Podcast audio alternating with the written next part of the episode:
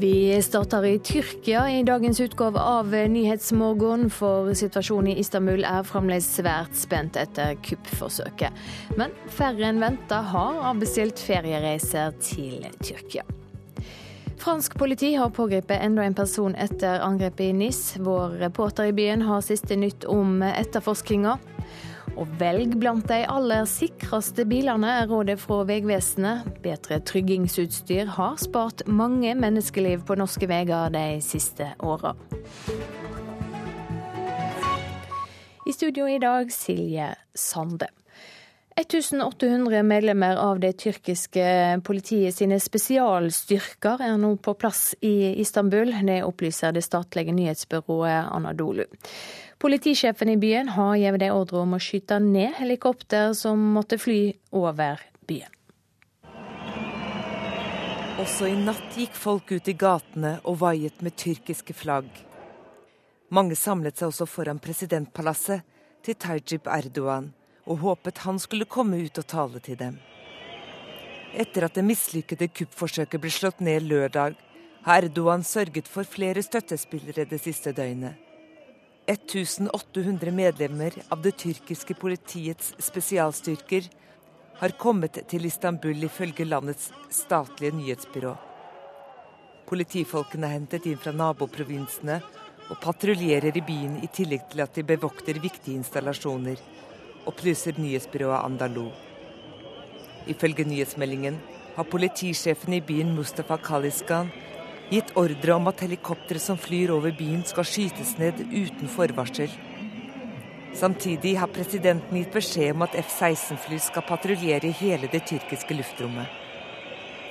De røde flaggene vaiet i natt også til minne om minst 265 mennesker som ble ofre for kuppforsøket. I går ble flere av ofrene gravlagt, samtidig som en lang rekke påståtte kuppsympatisører i Forsvaret og rettsvesenet ble pågrepet. Så langt er rundt 6000 personer pågrepet, mistenkt for å ha bidratt til kuppforsøket mot Erdogan. Han kom ikke ut og talte til folket.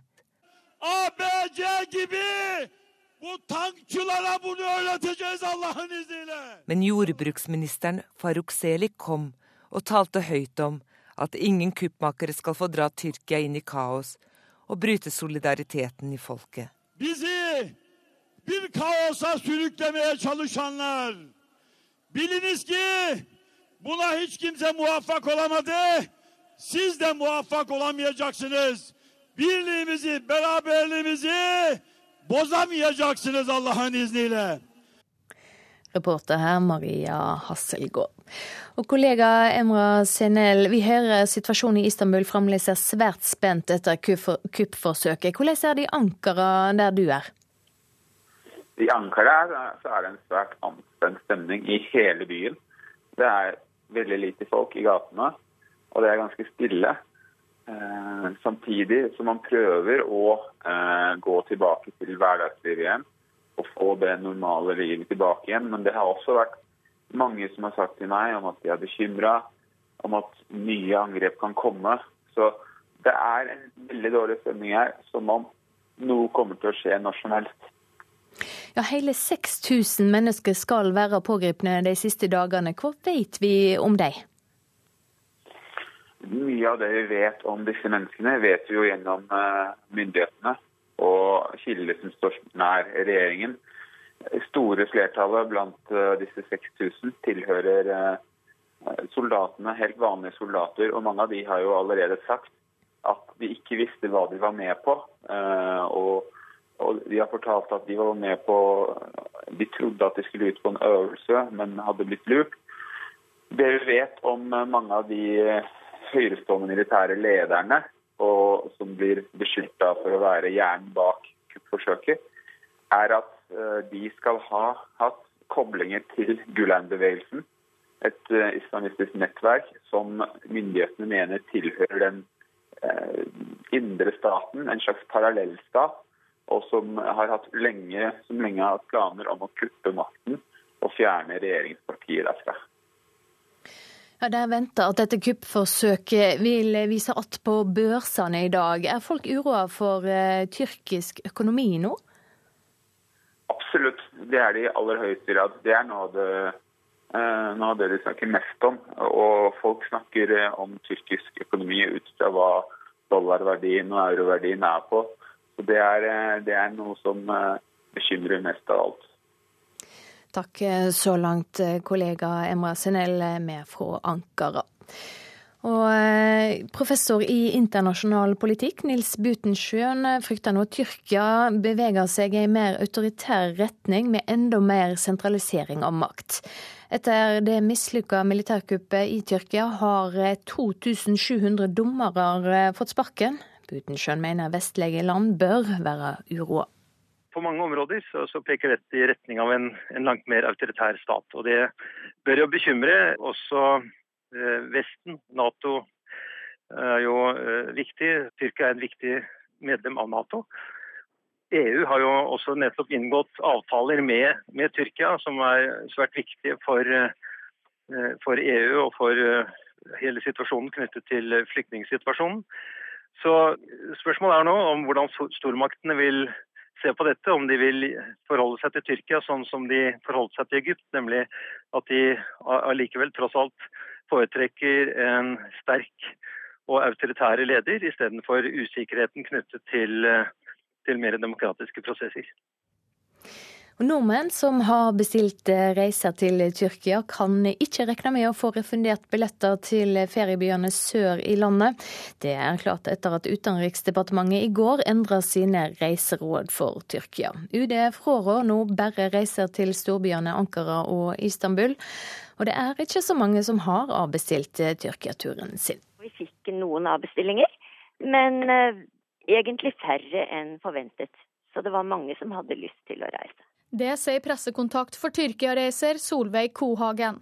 De fikk 52 avbestillinger fra folk som ikke ville reise til Antalya i går. Alle dem fikk tilbud om å få refundert billettene, men heretter vil ikke det bli mulig de som da reiser nå senere i uken, de vil ikke få tilbake penger hvis de avbestiller, fordi at denne situasjonen er blitt slik at UD ikke ser noen grunn til å advare generelt. Og vi forholder oss til UDs reiser, og det gjør vi alltid. Det samme gjør Startur, Ving og Apollo.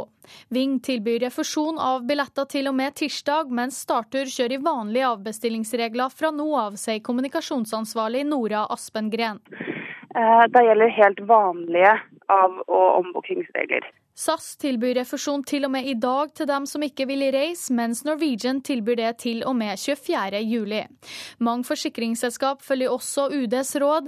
Selskap som DNB og Trygg Forsikring dekker derfor ikke avbestilling på reise til Antalya eller evakuering derfra nå. Hvis man er i noen av de andre områdene i Tyrkia som, som ikke omfattes av reiserådet, så gjelder reiseforsikringen på vanlig måte. Vil si at da, da, må man ha en sykdom eller andre ting for at man skal få dekket hjemreise. Og man kan heller ikke avbestille reiser til disse områdene og få det dekket av reiseforsikringen. Det sa Ole Jørgens i Trygg Forsikring til reporter Tanita Kveino. Politiet i Frankrike har nå tatt enda en person inn til avhør etter angrepet i NIS. Og korrespondent Guri Nordstrøm, du er i NIS. Hva er så langt kjent om eh, denne personen? Det er veldig lite, men ifølge nyhetsbyrået AP så er dette en 37 år gammel mann fra gjerningsmannens eh, omgangskrets. Og med ham så betyr det nå at åtte personer er inne til avhør i denne saken. Blant dem da også et albansk par, som, som, det ble kjent i går, som er mistenkt eh, for å ha forsynt gjerningsmannen med våpenet, ifølge franske medier. Betyr dette at gjerningsmannen ikke var alene om, eh, om dette angrepet? Det er det som er det store spørsmålet her. For, for, det som har kommet frem om disse avhørene så langt, det er ikke noe som franske myndigheter har, har bekreftet offisielt. Derimot er det kilder eh, som har fortalt dette til, til franske medier. Eh, I begynnelsen så fikk man jo inntrykk av at dette handlet om en psykisk ustabil person som hadde handlet på egen hånd, særlig også etter at eh, nære familiemedlemmer fortalte at han hadde vært veldig syk. Eh, men hvis det er noe i disse avhørene som, det, som franske medier nå forteller om, så var det jo da kanskje et slags nettverk her likevel. Det skal da også ifølge mediene her ha blitt funnet SMS-er på gjerningsmannens mobiltelefon der han ber om flere våpen og sier at uh, angrepet går bra. Men igjen, dette er opplysninger som ikke er bekreftet uh, offisielt. Hvordan er tilstanden nå for de som ligger på sykehus etter angrepet? Helsedepartementet opplyste i går at for 18 mennesker så er nå tilstanden fortsatt kritisk. Blant dem eh, er det da ett eh, barn. Og Totalt så var det altså 84 mennesker som da ble, ble drept på torsdag. Hvordan reagerer folk i Frankrike på dette tredje angrepet på kort tid? Ja, Dette er jo det store et angrepet på 18 måneder bare her i Frankrike. Eh, og, og, regjeringen får kritikk for, for, manglende sikkerhet og for at de ikke klarer å trygge befolkningen. Eh, den frustrasjonen har vi også eh, sett her i NIS. På Strandpromenaden f.eks. er det nå et kunstprosjekt hvor man kan skrive det man føler på strandpromenaden. Og der står det flere steder at nå er det nok med festtalene. Det holder ikke lenger. Vi ønsker å få trygghet tilbake. Takk skal du ha, korrespondent Guri Nordstrøm. Hovedsaker her i Nyhetsmorgen nå. 1800 medlemmer av det tyrkiske spesialstyrker i politiet er kommet til Istanbul. De har ordre om å skyte ned helikopter som måtte fly over byen uten forvarsel. En eh, fiskebåt har eh, gått ned i Reisafjorden i Troms, ifølge Hovedredningssentralen. De er i gang med en redningsaksjon. Og I USA starter det republikanske landsmøtet i dag. Der skal eh, Donald Trump formelt utnevnes som presidentkandidat, og det har fått en del til å holde seg hjemme.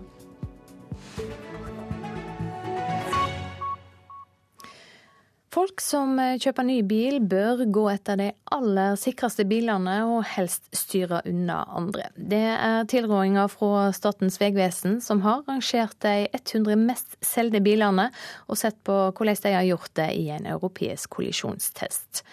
På få år har bedre tryggingsutstyr i nye biler spart mange menneskeliv på norske veier. Du har bl.a. en radar i front på bilen som hele tiden overvåker hva som skjer foran bilen. Hos bilforhandler Erik Arnesen Bryn viser selger Ole Petter Blådammen fram en ny Golf. Den er en av de nye bilene som har en radar framme, som er med på å hindre ulykker. Det er en bråbrems foran deg, og du ikke rekker å reagere, så slår systemet inn og først varsler, og så bremser hvis du selv ikke rekker å reagere. Golfen var den suverent mest solgte bilen i Norge i fjor. Den får fem stjerner av testorganet Euro NCAP, som de fleste nye bilene i Norge. Det er denne testen Vegvesenet bruker i sin oversikt. Bilene får poeng etter hvordan de sikrer voksne og unger i bilen, og hvordan det går utover fotgjengere hvis de blir påkjørt. Skal du kjøpe ny bil, bør du satse på de aller sikreste, sier fungerende avdelingsdirektør Henning Fransplass i Vegdirektoratet. Du bør gå etter eh, fem stjerner. Alle toppselgerne, blant dem Golf, Toyota Auris og Skoda Octavia, får fem stjerner. Noen bilmodeller mangler i testen, og elleve modeller, blant dem BMW I3, Mazda CX3 og Volkswagen Transporter og Caravelle, får fire stjerner. Fire stjerner er òg veldig bra, men når du nå skal velge en ny bil, så bør du velge en bil som har fem stjerner. Skal du kjøpe en brukt bil, så er vår anbefaling at du velger en bil som har fire eller fem stjerner. I fjor mista 117 mennesker livet i trafikken. Det laveste tallet siden 1947. Sikkerhetstiltak i nye biler har på få år bidratt enormt, viser ei beregning fra Transportøkonomisk institutt, forteller Henning Fransplass. Antall drepte og hardt skadde i trafikken ville økt med 50 stykk hvis sikkerhetsstandarden som var i 2010, er den som har vært på veinettet i dag. Så bare på noen få år så er bilene blitt så mye mer sikre? På få år så har det skjedd veldig mye, og vi forventer at det skjer mye i årene som kommer. Hva er de viktigste tiltakene som har kommet de siste årene som gjør bilene enda sikrere? Ja, F.eks. at stabiliseringskontroll er blitt obligatorisk på alle kjøretøy. Det er et veldig viktig bidrag. Eh, beltepåminner er òg et veldig viktig bidrag. Og så får du da eh, linjevarslersystem, du får fartsinformasjon til bilfører. Og de vi ser at er mest opptatt av sikkerhet, er småbarnsfamilier som skal ha små babyer i barnestoler bak. Bilselger Blådammen har tatt plass bak rattet og forteller om nødbremsesystemet som slår inn under bykjøring. Kommer det da f.eks. en syklist eller en unge løpende ut i veien eh, foran deg, som du da ikke ser hvis du er uoppmerksom, så vil bilen varsle og bremse. Og på nettsidene våre nrk.no kan du se hele oversikten over de 100 mest solgte bilmodellene her i landet i fjor, og også hvordan de gjør det i kollisjonstesting. Reporter Kjartan Rørslett. I USA starter i dag republikanerne sitt landsmøte i byen Cleveland i delstaten Ohio. Der skal partiet formelt utnevne Donald Trump som sin presidentkandidat. Det skjer til manges store fortviling, for det er et splitta parti som nå skal møtes. Enkelte vil å holde seg helt borte.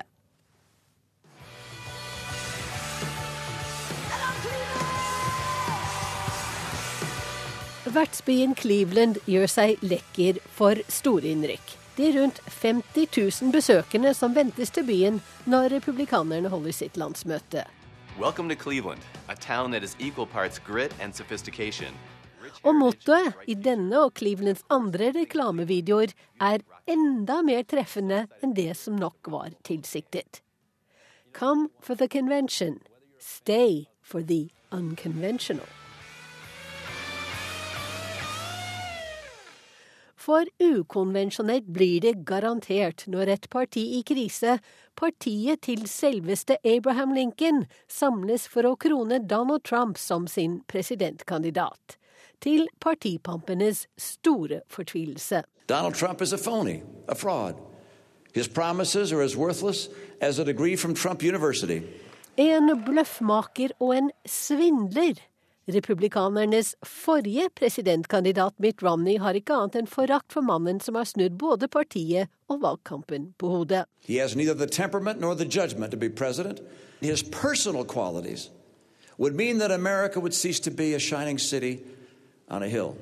Mitt Romney kommer ikke til Cleveland.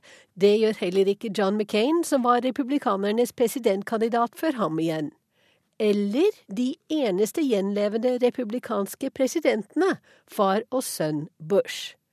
Jeb Bush, favoritten som Trump knuste i nominasjonskampen, holder seg borte fra landsmøtet, og det gjør også en rekke av de mest innflytelsesrike republikanerne, blant dem flere senatorer.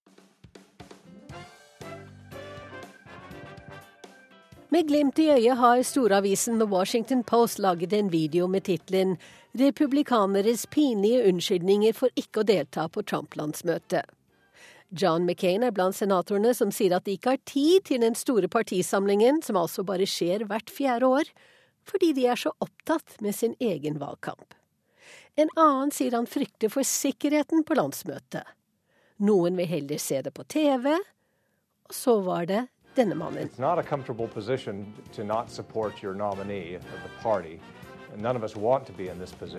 Senator Jeff Flake fra Arizona har ikke lagt skjul på hva han mener om Trump. Men eh, hvorfor han ikke kommer på landsmøtet i Cleveland? Han er opptatt. For han må klippe plenen hjemme. I fire dager, tydeligvis. He's a race-baiting, xenophobic, religious bigot. He doesn't represent my party. Han oppfordrer til rase- og fremmedhat. Han er full av religiøse fordommer. Han representerer ikke mitt parti, sier den republikanske senatoren Lindsey Graham fra Sør-Carolina om Donald Trump. Graham er en republikaner av den gamle sorten, konservativ, men også villig til å samarbeide med demokratene i en del saker. Han kjenner ikke igjen sitt Grand Old Party. How did this happen? It's a race to the bottom, and I think we have a slightly faster car. Reporter her, Wenche Eriksen. Og vår eh, korrespondent Gro Holm forteller hva som skal skje på det republikanske landsmøtet som altså starter i dag. Møtet åpnes klokka sju i kveld norsk tid, og det blir garantert en ekstremt patriotisk forestilling. Med nasjonalsangen, med andre patriotiske sanger, med bønn og bilder av hardtarbeidende amerikanere på storskjermer rundt i salen. Og Tirsdag er det opprop der alle delstatenes delegasjoner skal rapportere om antall stemmer for de respektive kandidatene. Og torsdag skal Trump takke for nominasjonen om alt går etter planen. Men seinere i dag, og det er litt spesielt, skal det være et kveldsmøte om Benghazi, om dette terrorangrepet på den amerikanske ambassaden i 2012. Og der kommer det til å komme en bredside mot Hillary Clinton, som jo var utenriksminister på den tiden. Det er spesielt. Fredag så ble det jo klart at Mike Pence blir Donald Trump sin visepresidentkandidat. Hva reaksjoner er eh, kommet på det? Ja, Innad i det republikanske partiet så har reaksjonene stort sett vært veldig positive. De fleste mener at han vil fungere som en samlende kandidat. Tiltrekke seg og berolige, ikke minst, eh, konservative republikanske velgere, de som er mot selvbestemt abort, de som er mot likestilling for homofile, og lesbiske og transkjønnede. Eh, og så er det jo en del utenfor partiet som eh, lurer på hvordan dette skal gå, for de to har ulikt syn på en, i en mange spørsmål, bl.a. når det gjelder internasjonale handelsavtaler, når det gjelder eh, dette med liberale verdier som selvbestemt abort osv. Og, så og også innvandring har de nyanseforskjeller. Så, så det blir spennende å se. Det har jo vært demonstrasjoner mot politivalg i flere amerikanske byer i det siste, og flere politifolk er også drepne. Senest i går var tre politimenn skutt og drepne i Baton Rouge. Hva sier Trump om hvordan han vil løse denne konflikten? Han har ikke kommet med noen konkrete oppskrifter eh, der, annet enn at eh, politiet han legger veldig viktig på at han vil være lov og orden-presidenten, og at eh, han vil styrke politiet. Han har ikke sagt så veldig mye om hvordan han vil sørge for den dialogen som Obama har gått inn for, mellom politiet og Black Lives Matter, altså svarte liv teller-bevegelsen. Der har Trump et godt stykke igjen. Gro, i reportasjen så hørte vi at eh, republikanere holder seg unna landsmøtet. Har det noe å si for Trump at det er mange i partiet som ikke ønsker å stille seg bak han? De som holder seg unna er jo først og fremst eh, kjente folk fra den såkalte partieliten. og Det bygger jo bare opp under Trumps eh, retorikk, nemlig at han er et alternativ til den etablerte eliten. Så jeg tror ikke det har veldig mye å si for dem som er, eh, dem som er trofaste Trump-tilhengere. Tvert imot så tror jeg de bare tar det som en bekreftelse. Eh, men det er mange, eh, hvis man ser på republikanske partiet som helhet, så er det mange som sier at de vil stemme på Trump først og fremst fordi de er imot Hillary Clinton, ikke fordi de er eh, for Trump. Det er faktisk flere som, som stemmer, vil stemme på han fordi de er imot Clinton. Og Det er jo et tankekors. og Da er det jo en trøst for Trump kanskje at tidligere Clinton er omtrent akkurat like upopulær og mange har den samme holdningen til henne. Det er eh, kuppforsøket i Tyrkia som preger eh, en rekke av avisframsidene i dag. Offiserer som deltok i kuppforsøket, kommanderte vernepliktige til å delta, forteller tyrkere til Aftenposten. Soldatene trodde de skulle redde Tyrkia fra terror, og de skal ikke ha ant at de deltok i et militærkupp.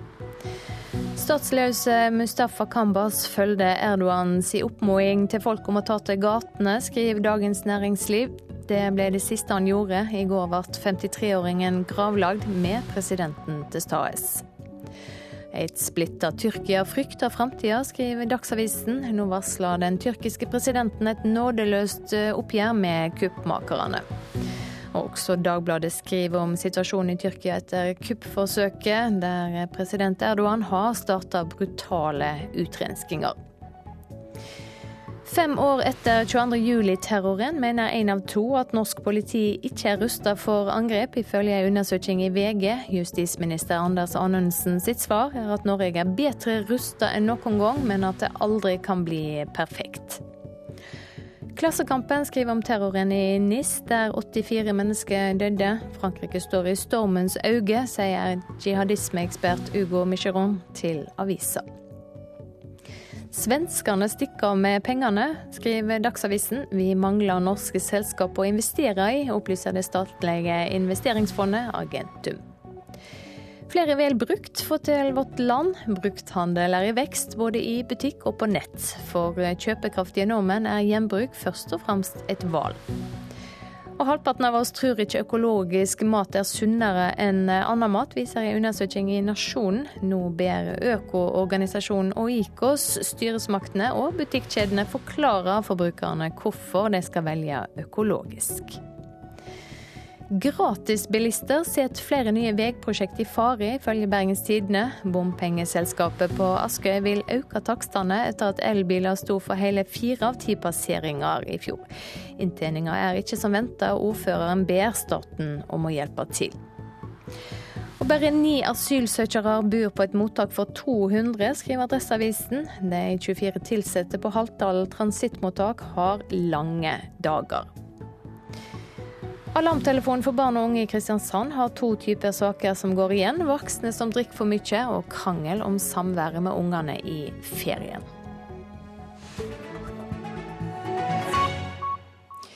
Så skal vi ha sport. Tor Hushovd sine planer om å danne et profflag til sykkel-VM på heimebane i 2017 er punktert. Men oksen fra Grimstad vil fremdeles ikke gi opp drømmen om et norsk profflag.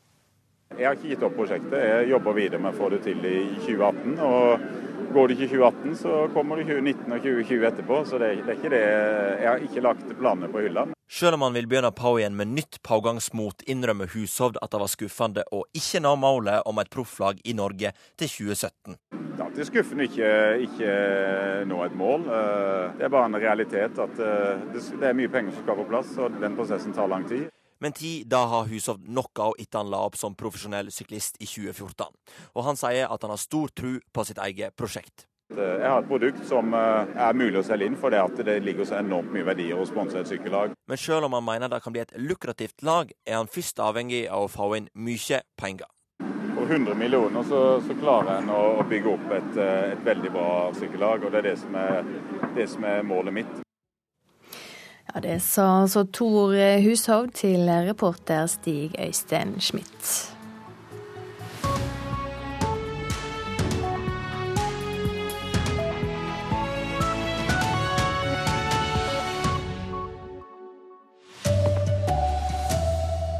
Politiet i Istanbul har fått ordre om å skyte ned helikopteret som måtte fly over byen. Mannen bak eh, NIS-angrepet var radikalisert, tror franske myndigheter. Og velg blant de aller sikreste bilene når du skal kjøpe ny. Styr unna de andre, anbefaler Vegvesenet.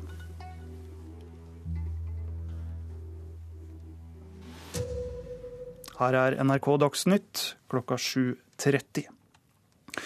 1800 medlemmer av det tyrkiske politiet, eh, politiets spesialstyrker, har nå ankommet Istanbul. Det opplyser det statlige nyhetsbyrået Andalou. Byens eh, politisjef har gitt dem ordre om å skyte ned helikoptre som måtte fly over byen, uten forvarsel. Også i natt gikk folk ut i gatene og vaiet med tyrkiske flagg.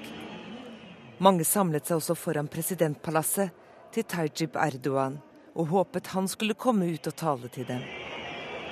Etter at det mislykkede kuppforsøket ble slått ned lørdag, har Erdogan sørget for flere støttespillere det siste døgnet. 1800 medlemmer av det tyrkiske politiets spesialstyrker har kommet til Istanbul ifølge landets statlige nyhetsbyrå. Politifolkene er hentet inn fra naboprovinsene og patruljerer i byen i tillegg til at de bevokter viktige installasjoner opplyser nyhetsbyrået Andalou. Ifølge nyhetsmeldingen har politisjefen i byen Mustafa Kaliskan gitt ordre om at helikoptre som flyr over byen skal skytes ned uten forvarsel. Samtidig har presidenten gitt beskjed om at F-16-fly skal patruljere hele det tyrkiske luftrommet. De røde flaggene vaiet i natt også til minne om minst 265 mennesker som ble ofre for kuppforsøket. I går ble flere av ofrene gravlagt, samtidig som en lang rekke påståtte kuppsympatisører i Forsvaret og rettsvesenet ble pågrepet. Så langt er rundt 6000 personer pågrepet, mistenkt for å ha bidratt til kuppforsøket mot Erdogan. Han kom ikke ut og talte til folket. Men jordbruksministeren Faruk Selik kom og talte høyt om at ingen kuppmakere skal få dra Tyrkia inn i kaos, og bryte solidariteten i folket.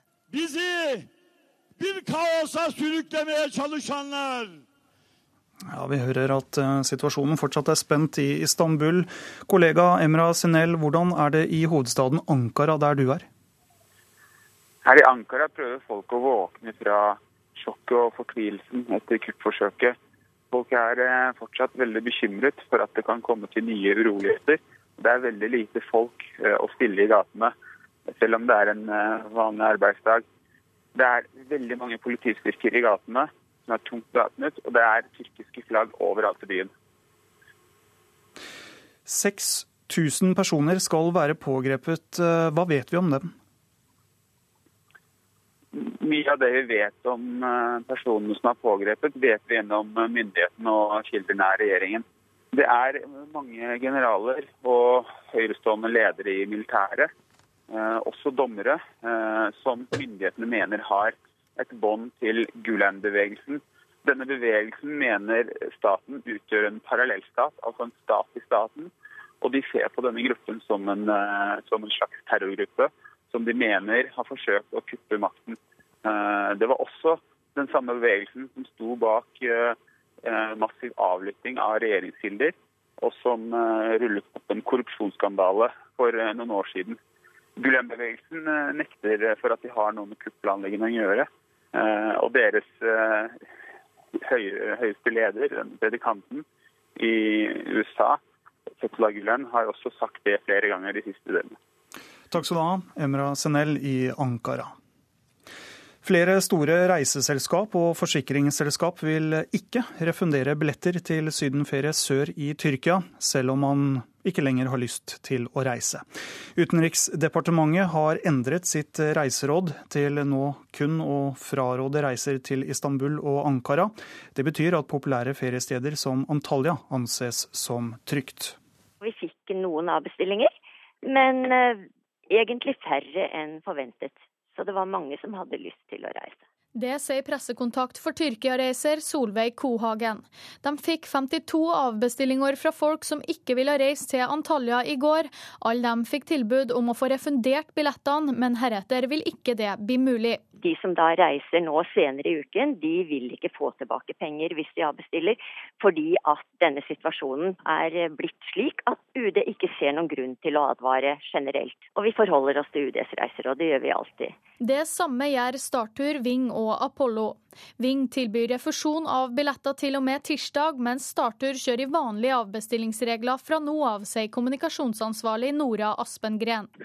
Eh, det gjelder helt vanlige av- og ombookingsregler. SAS tilbyr refusjon til og med i dag til dem som ikke vil reise, mens Norwegian tilbyr det til og med 24.7. Mange forsikringsselskap følger også UDs råd. Selskap som DNB og Trygg Forsikring dekker derfor ikke avbestilling på reise til Antalya eller evakuering derfra nå. Hvis man er i noen av de andre områdene i Tyrkia som, som ikke omfattes av reiserådet, så gjelder reiseforsikringen på vanlig måte. Vil si at da, da, må man ha en sykdom eller andre ting for at man skal få dekket hjemreise. Og man kan heller ikke avbestille reiser til disse områdene og få det dekket av reiseforsikringen.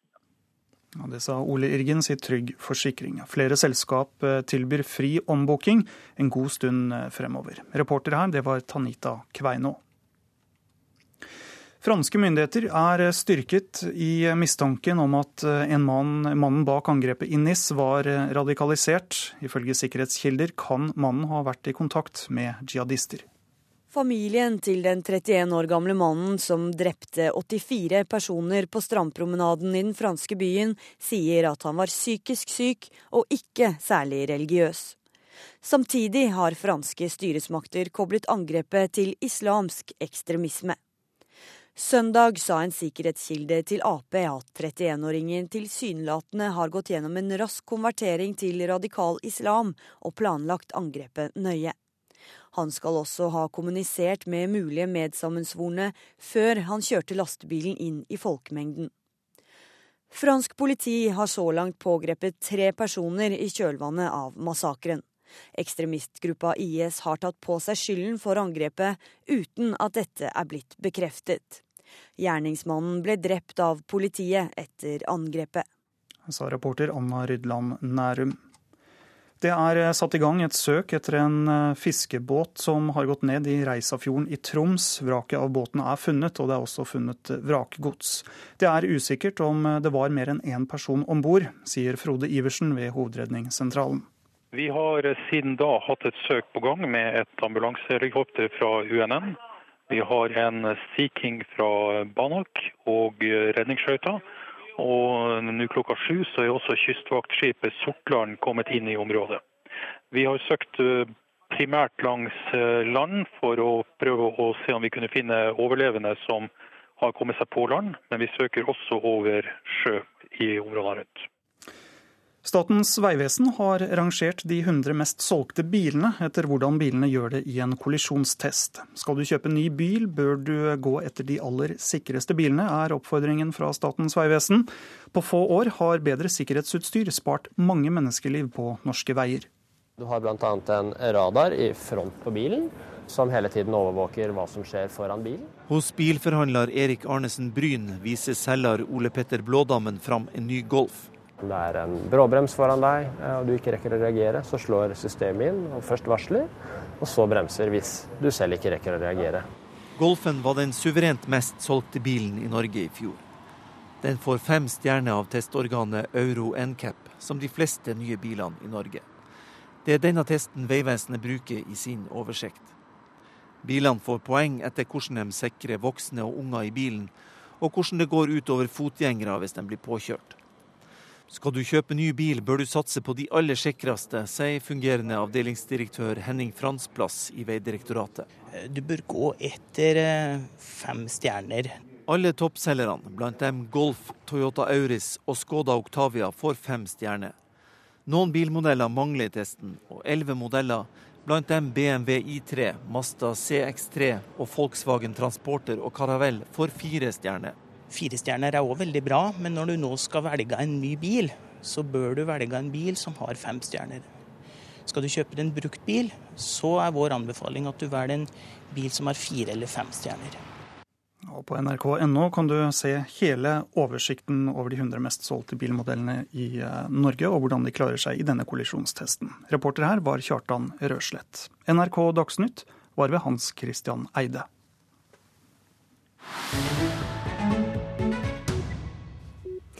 Her i Nyhetsmorgen skal vi tilbake til presidentvalgkampen i USA nå. Det er full splid i det republikanske partiet, som altså starter sitt landsmøte i dag. Men partiet får støtte fra uventa hold. I flere tiår har de såkalte rustbeltestatene i USA røsta demokratisk. Nå kan det komme til å snu. For Donald Trump haler inn på Hillary Clinton på meningsmålingene i flere av statene der kål, stål og bil brukte å være hjørnesteiner. Vår eh, korrespondent Gro Holm har vært i Pennsylvania. Yeah, okay. To aldrende stålarbeidere og en rusten stålbedrift. Stedet er Johnstown, Pennsylvania. En by som en gang hadde 40 000 stålarbeidere, nå knappe 4000. John og Rich har ansvar for vedlikehold av en avdeling hos Gautier Steel som bare er i produksjon fire uker i året. Gautier Steel ble grunnlagt på 1880-tallet og var helt fram til 1960-tallet en hjørnesteinsbedrift. Sterke fagforeninger bidro til at byen mellom de grønne åsene alltid hadde demokratisk flertall. Unions in the past provided a, a social network, if you will. And that has disintegrated. And our members turn to uh, the news media. Tidligere tilbød fagforeningen et sosialt nettverk. Det har falt helt sammen. Folk får informasjonen sin fra mediene, ikke minst fra Fox TV, et underbruk av republikanerne, sier John Daloney, fagforeningsmedlem og ihuga demokrat. Han er nå i mindretall, ifølge fagforeningsleder Jeff Plummer. How big a share of your union members do you think would vote for Trump this year? If I had to say, I'd go with 80%. 80% av medlemmene i United Steelworkers på Gautier vil stemme på Trump, tror Plummer. En håndsopprekking ved en av de andre bedriftene i Johnstown viste 70% for Trump, trass i at United Steel sentralt støtter Hillary Clinton. Republikanernes valgkampkontor har lang venteliste av velgere som vil ha Trump-skilt de kan stikke i gresset utenfor der de bor. Uh, people stop by every single day. They walk in the door and they are asking for Trump signs because everyone in Cambria County is obsessed with Trump. So they come in, ask for a Trump sign, and we actually don't have any because we ran out so many because they're in such high demand. Hver dag kommer det mange hit for å spørre etter Trump-skilt. Folk er besatt av Trump. Vi har en venteliste på 280, forteller Jonathan Goetta. Nå som visepresidenten er klar, vil det bli trykket nye skilt. I løpet av noen uker har over 1600 nye personer i den lille byen registrert seg som republikanske velgere. En del av dem er tidligere demokratiske velgere, som Tom Tiffany. Egentlig liker han verken Hillary Clinton eller Donald Trump så godt. But uh, I believe that he has more than Hillary Clinton. I'll put it that way. So I would still vote for uh, Trump, but it's the lesser of two evils, uh, the way I look at it. Men jeg mener at han har mer karakter enn Hillary Clinton, så jeg kommer til å stemme på ham. Han er det minste av to onder, sier den tidligere piloten og fagforeningsmannen. For Tom er verdier viktig, og han mener at demokratene har fjernet seg fra sitt eget grunnfjell. Basically, the Democrats are taking care of the, the, the left, very liberal, 5 or 10 percent of the people in this country. And the Republican Party pretty much takes care of the, the right wing, 5 or 10 percent of the people in this country. Demokratene tar vare på venstresiden, de veldig liberale 5-10 prosentene i dette landet. Og det republikanske partiet tar seg av de høyreorienterte 50 prosentene, big business. Ingen tar seg av dem i midten, mener Tom, som har vokst opp og bodd mesteparten av livet i Johnstown. Byen ble bygget opp rundt stål og kull. This is Saudi Arabia of coal under Pennsylvania.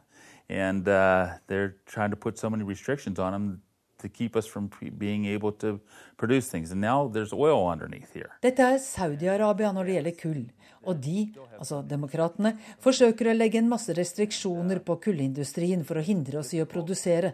Det samme gjelder skiferoljen og naturgassen her i Pennsylvania, sier Tom med referanse til Obama-administrasjonens klimapolitikk. På en benk i parken i sentrum av byen treffer jeg Albert Lloyd, som også sier han vil stemme på Trump. Har du alltid vært republikaner, spør jeg. Nope, I'm a Democrat. But you will still vote, uh, vote for Trump? Yeah, he's my man. I like the way he talks, the way he speaks. Uh, he says, like I said before, he says what's on his mind. Nei, jeg er demokrat, sier Albert, men jeg stemmer Trump. Yeah, han er min mann. Jeg liker måten han snakker på. Han sier det hodet er fullt av. Albert bare liker ikke Hillary. Hele kroppsspråket forteller om dyp avsky. Like Albert har i likhet med de fleste Trump-velgerne jeg snakker med, ingen illusjon om at han vil få økonomien til å blomstre. Deres Trump-stemme er like mye et nei til Clinton eller skuffelse over det Obama har utrettet, som det er et ja til Trump. Det gjelder også John, en afroamerikaner med gullkjede og tung fot på gassen. Jeg stikker mikrofonen inn av bilvinduet idet han stopper i et veikryss. Han liker ingen av partiene. Actually. John velger Trump fordi Washington trenger å filleristes. Who did you vote for before? Did you always vote Republican? No, I voted for Barack Obama last time. Hovedsaker her i Nyhetsmorgen nå. Politiet i Istanbul har fått ordre om å skyte ned helikopter som måtte fly over byen. Fransk politi skal ha blitt sikrere på at gjerningsmannen i NIS ble radikalisert den siste tida. Og velg de aller sikreste bilene, er rådet fra Vegvesenet. Bedre tryggingsutstyr har spart mange menneskeliv på veiene de siste åra. Vi må beholde fridommen til norske kvinner, det sier statsminister Erna Solberg. Hun vil ikke ha egne kvinnesoner på festival eller egne kvinnevogner på T-banen.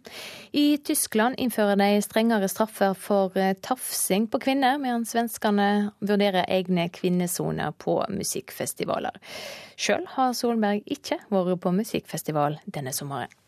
Nei, vi har vært på konserter, men ikke på musikkfestivaler. Du har jo en datter som var russ i år. Ville du vært engstelig hvis hun dro på en musikkfestival i Sverige? Jeg vet ikke om jeg ville vært engstelig, men jeg ville vært veldig tydelig på det som var beskjeden inn i russetiden. òg. som er beskjeden til alle. Vær sammen, hold sammen. Eh, sørg for at ingen forviller seg alene. Eh, det er sånn det er om det er russefeiring eller om det er andre. Det har vært svært mange seksuelle overgrep, også voldtekter, midt under konserter i Sverige i år. Og nå foreslås det å innføre egne kvinnesoner på slike festivaler for å unngå overgrep. Er det en god idé? Eh, jeg håper vi aldri kommer i en situasjon hvor det skal være nødvendig. Jeg håper vi skal klare å holde det sånn at eh, folk kan oppføre seg ordentlig mot hverandre. At den friheten som vi kvinner i Norge alltid har hatt, også skal kunne bevares. Derfor er det så viktig at vi er veldig tydelige i eh, både de som kommer her med et annet kvinnesyn og en annen kulturbakgrunn, får veldig tydelig beskjed om hva normene og rettighetene de har. Gir også plikter i vårt samfunn. Og en av pliktene er å respektere kvinner, og ikke eh, gjennomføre den typen eh, angrep og trakassering som vi har sett fra Sverige. Men når eh, ordensvakter og politi ikke da kan gi eh, kvinner beskyttelse, bør man da ha egne kvinnesoner? Jeg mener fortsatt at vi skal jobbe ut ifra eh, at vi skal bekjempe den typen tendenser. Det gjelder alle menn som er til stede, som også skal være med på å beskytte kvinner mot menn som plukker. Det finnes menn som plukker. Det har jeg selv opplevd i mitt liv, lenge før det kom innvandrere til, til Norge på offentlige steder. Så, så det som er viktig, det er at vi faktisk alle sier veldig tydelig klart dette aksepterer vi ikke. Dette er helt i strid med de ideer og tanker som vi har i Norge. Og eh, hvis du bor her, så må du leve etter de normene. Og så er det jo sånn at eh, du kan utvises fra dette landet. For eh, vi skjerpet ned, var kommunalminister og vi hadde en del vold mot kvinner, så skjerpet vi utviselsesgrunnene og reglene. Det er fullt mulig å utvise folk hvis ikke de har et beskyttelsesbehov, hvis de deltar i denne typen, typen aktiviteter og begår kriminalitet i Norge. Tyskerne nå, eh, er i ferd med å innføre nye lover eh, som mye streng, innfører mye strengere straffe for tafsing på kvinner. Burde vi få et sånt lovverk i Norge også? Um, der, er, der, er, lovverk i Norge mot, mot seksuell trakassering og, og tafsing. Så må vi da gjøre en mål om er vi strengere eller er, er Tyskland strengere. Men vi har lovverk mot dette allerede. Du leder nå FNs pådrivergruppe for bærekraftsmålene sammen med Ghanas president eh, John Dramani Mahama. Og Mål nummer fem er jo å gjøre slutt på alle former for diskriminering av jenter og kvinner i hele verden. Og dette er hele verden, også Sverige. Hvordan passer det da inn med disse målene, med egne kvinnesoner på konserter, i svømmehaller, treningsstudio, slik det foreslås i Sverige, og egne kvinnevogner på tog, slik som det er planlagt i Tyskland? Jeg har jo vært i India. Der er det egne kvinnevogner på, på T-banen. Jeg holdt på å gå feil og fikk beskjed av vakten om at jeg skulle eh, gå inn i den som var for kvinner, til tross for at eh, både, eh, altså hele resten av følget var mannlige og måtte gå inn i den andre. Det er veldig rart for oss å oppleve. Men som de sa til meg, det er for din egen sikkerhet. Sånn ønsker ikke jeg å ha det. Og sånn skal ikke det være i India heller. Derfor er det så viktig at vi står opp mot den typen trakassering. Står opp for kvinners rettigheter. Og noe av de bærekraftsmålene vi har, er jo på en måte å sette en standard for dette. Og det vi vet som er felles mellom utviklingsland og veldig utviklede land som Norge, det er at vold og trakassering av kvinner er et av de største utfordringene kvinner opplever. Det hemmer i hemmer utviklingen for kvinner og deltakelse for kvinner både i våre land og i veldig mange utviklingsland. Derfor er det en felles utfordring for verdens kvinner å bekjempe volden, og jeg forutsetter at alle menn også bidrar til det. Men også i vårt land så opplever vi at uh, kvinner adskilles. Uh, de gjemmes gjerne bort på de dårligste stedene. Og også på et møte i din egen hjemby Bergen, i Grieghallen, så måtte kvinner gå inn en egen inngang. Er, er vi i ferd med å gå litt baklengs eh, i eh, likestillingsspørsmålet også her i landet?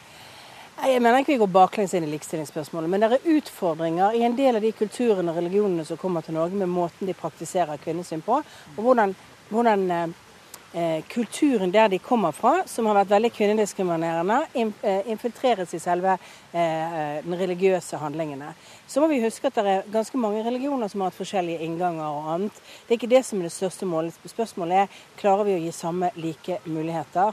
Det er en utfordring for en del innvandrerkvinner. Derfor var også i den likestillingsmeldingen som regjeringen la frem, arbeidet for flere kvinner ut i arbeidslivet, deltakelse, at de får rettigheter fra minoritetskvinner, en av de viktige prioriteringene her hjemme. Og så har vi jo eh, Du skal jo også som FN-pådriver bekymret om det som skjer f.eks. i Saudi-Arabia, mm. hvor kvinner ikke engang får lov å kjøre bil. og Du som kvinne kunne ikke gått på en restaurant uten å ha hatt et mannlig følge. Hva kan dere gjøre med det? Det dreier seg om internasjonalt press over lang tid. Det, det tar lang tid å gjøre endringer. Det tok lang tid i Norge å sørge for at kvinner fikk de rettighetene vi har i dag. Men vi kommer oss ut fra en kultur med kanskje større likestilling enn det du har f.eks. i Saudi-Arabia. Eh, gradvis så ser vi nå at det har kommet flere kvinner inn i, i, i, i eh, Saudi-Arabisk politikk. Jeg håper jo at det også gjør at det endrer kvinnesynet i de landene. Men det vi må jobbe med, er liksom å sette målsettinger for hvert enkelt land om hvor langt vi skal komme. Eh, og jeg syns jo for et land som Saudi-Arabia, hvor det er mange kvinner som tar høy utdanning, og som aldri praktiserer, så er det jo bortkastet talent. Og det er et økonomisk argument å møte land som kanskje ikke kommer til å kunne leve av oljepenger i fremtiden. Alle de utdannede kvinnene som dere ikke slipper inn i arbeidsmarkedet, det er den største ressursen dere har.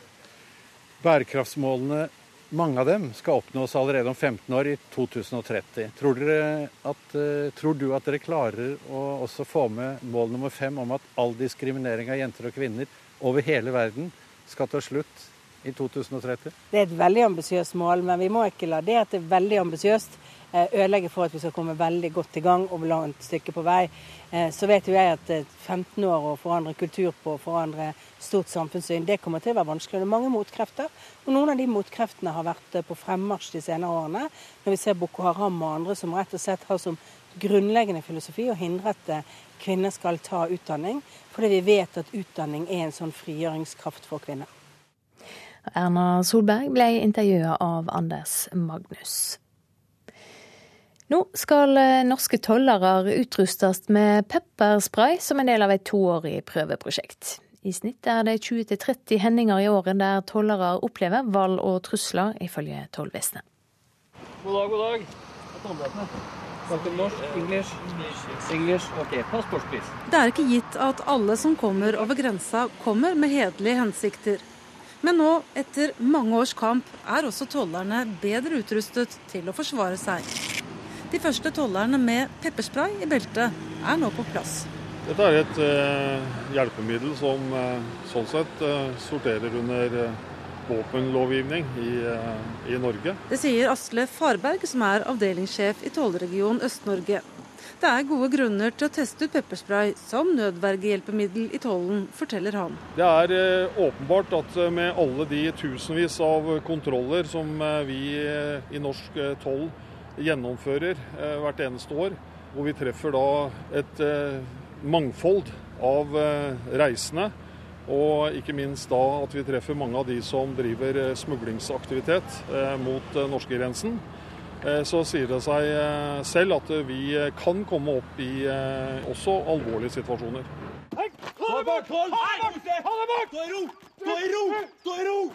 Slik hørtes det ut i vinter da tollvesenet kurset ansatte. Dvs. Si en uke med konflikthåndtering og bruk av pepperspray på timeplanen.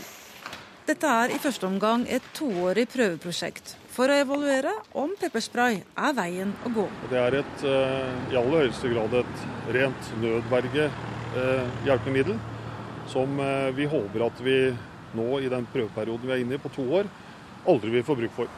This bag is, uh i grensekontrollen på Svinesund denne dagen er det to tollere som er utstyrt med pepperspray. Og for den ene er det første vakt med pepperspray i beltet. Det er jo en sikkerhet i det, men eh, sånn eh, i hverdagslige gjøremål så utgjør ikke rare forskjellen. Gjør ikke det. Men er det ikke en trist utvikling at tollere må stå med pepperspray på grensa? Vi ser det jo heller på den måten at uh, dette kan være en ytterligere trygghet for den tjenesten som vi utfører. Og der er jo eh, pepperspray bare et siste nødvergehjelpemiddel. Det er jo mange andre teknikker og konflikthåndtering som vi er eh, opptatt av å trene på og være gode i for å unngå at eh, dette hjelpemiddelet tas i bruk. Reporter her, det var Heidi Gomnes. Vi skal ha et eh, værvarsel nå. Austafjells og fjell i Sør-Norge får mye fint vær, men enkelte regnbyger i fjellet. Vestlig liten kuling på kysten av Agder. Vestlandet og Trøndelag får regnbyger, men utover dagen noe lettere vær med gløtt av sol. Periodevis frisk bris på kysten av Rogaland og Trøndelag. Nordland får vestlig liten kuling rundt Vestfjorden. Regn og regnbyger, lokalt mye nedbør nord for Bodø. Troms og Finnmark stiv kuling enkelte steder i Troms, som kveld også i Vest-Finnmark. I Troms skyer og regn, lokalt mye nedbør, vesentlig i ytre strøk. Finnmark eh, ellers perioder med sol utover dagen, regnbyger med torevær, mest i Øst-Finnmark. Spitsbergen får øst og nordøst periodevis stiv kuling utsatte steder, litt regn av og til, og lokal skodde. Så har vi temperatur, temperaturene. Det var målt eh, klokka sju for en time siden. Svalbard lufthavn 12, Kirkenes 16, Vardø 15, Alta 16. Tromsø-Langnes 9, Bodø hadde 10 grader. Brønnøysund og Trondheim-Værnes begge 11 grader. Molde 12. Bergen-Flesland og Stavanger, der mangler vi data fra begge plasser. Kristiansand, Kjevik og Gardermoen begge 13 grader. Lillehammer 11, Røros 8, Oslo-Blindern hadde 14 grader for en times tid siden. Det blir eh, lågere temperaturer i Nordland og Troms. I Finnmark uendra eller litt lågere temperatur, og også litt kaldere blir det på Spitsbergen.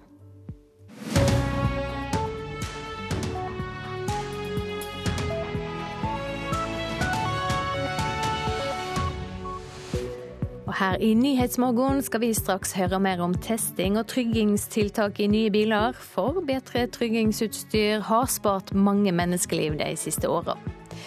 Politiet i NIS skal ha blitt sikrere på at mannen som drap 84 mennesker forrige uke, ble radikalisert den siste tida. Og straks flere driver med kor enn med fotball, viser en fersk undersøking, men kordirigenter er mangelvare.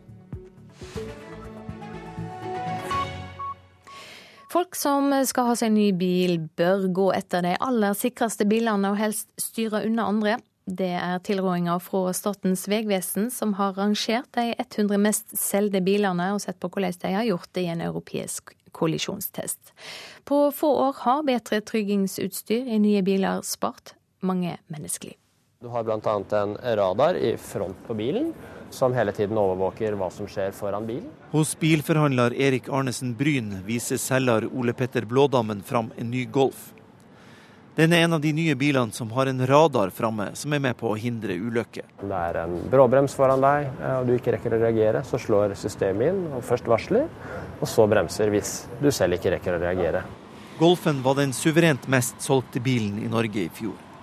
Den får fem stjerner av testorganet Euro NCAP, som de fleste nye bilene i Norge. Det er denne testen Vegvesenet bruker i sin oversikt. Bilene får poeng etter hvordan de sikrer voksne og unger i bilen, og hvordan det går ut over fotgjengere hvis de blir påkjørt. Skal du kjøpe ny bil, bør du satse på de aller sikreste, sier fungerende avdelingsdirektør Henning Fransplass i Vegdirektoratet. Du bør gå etter eh, fem stjerner. Alle toppselgerne, blant dem Golf, Toyota Auris og Skoda Octavia, får fem stjerner. Noen bilmodeller mangler i testen, og elleve modeller, blant dem BMW I3, Mazda CX3 og Volkswagen Transporter og Caravelle, får fire stjerner. Fire stjerner er òg veldig bra, men når du nå skal velge en ny bil, så bør du velge en bil som har fem stjerner. Skal du kjøpe en brukt bil, så er vår anbefaling at du velger en bil som har fire eller fem stjerner. I fjor mista 117 mennesker livet i trafikken. Det laveste tallet siden 1947.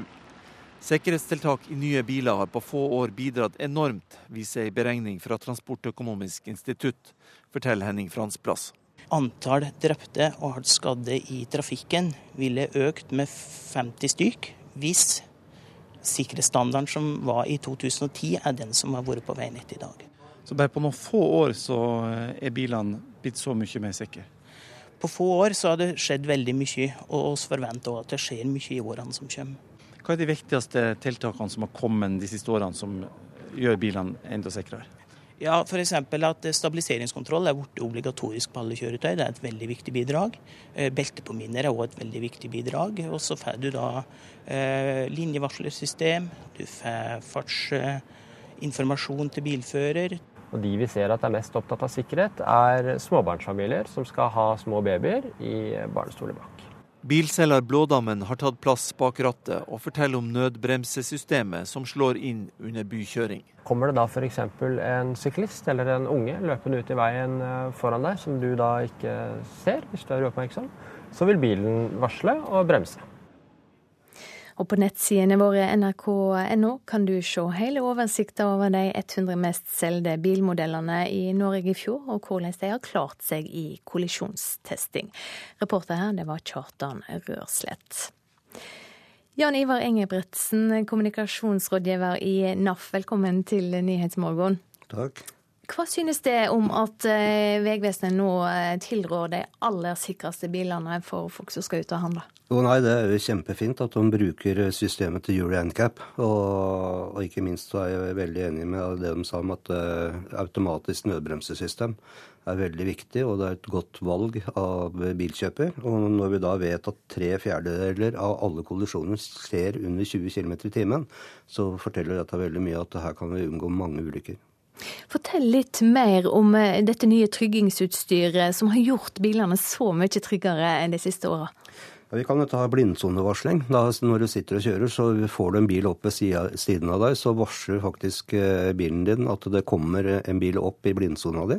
Så da går et lite pip på en varsellampe, og så er du da si, blir du da gitt eh, opplysning om at det kommer biler, så du skal være ekstra påpasselig. Ellers så har du jo da fotgjengervarslinga og ikke minst line assistant, som eh, da varsler hvis du blir trøtt at uh, du er i ferd med å dra over sidelinja eller midtlinja. Så da sier enten så vibrerer det hardt i setet, eller så får du eh, lyder i bilen som gjør at du våkner. Men så er det jo mange av oss som, som, kjører rundt i biler som kanskje er noen år gamle. Bør vi eh, rett og slett kanskje vurdere å kvitte oss med det og, og prøve å kjøpe ny? Fordi at dette er viktig? Ja, så man er jo interessert i å ha tryggest mulig bil. Og skulle det skje noe, så vil du jo gjerne ikke bli skada i den bilen. Så, så her gjelder det å ha det beste utstyret. Så når du kjøper deg en ny bil, så må du spørre hva som er originalt utstyrt av sikkerhetsutstyret, og så må du spørre hva som du kan kjøpe i tillegg. Og, men samtidig så gir det også en, en god annenhåndsverdi på bilen når du skal selge den. For da er, når du skal kjøpe bruktbil, så gjelder det også å finne bilen som har mest mulig sikkerhetsutstyr igjen.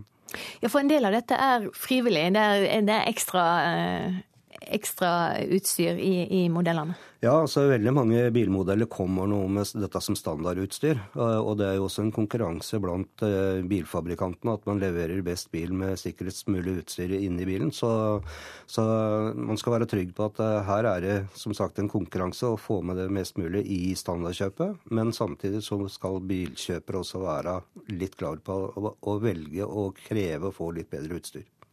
Men uansett utstyr, så er det vel eh, fremdeles sjåføren som er aller viktigst? Vi må for all del ikke glemme at ansvaret ligger hos sjåføren. Og jo mer utstyr og hjelpemidler du får, jo mer sløvere kan du bli. Så her må du være våken for å være våken.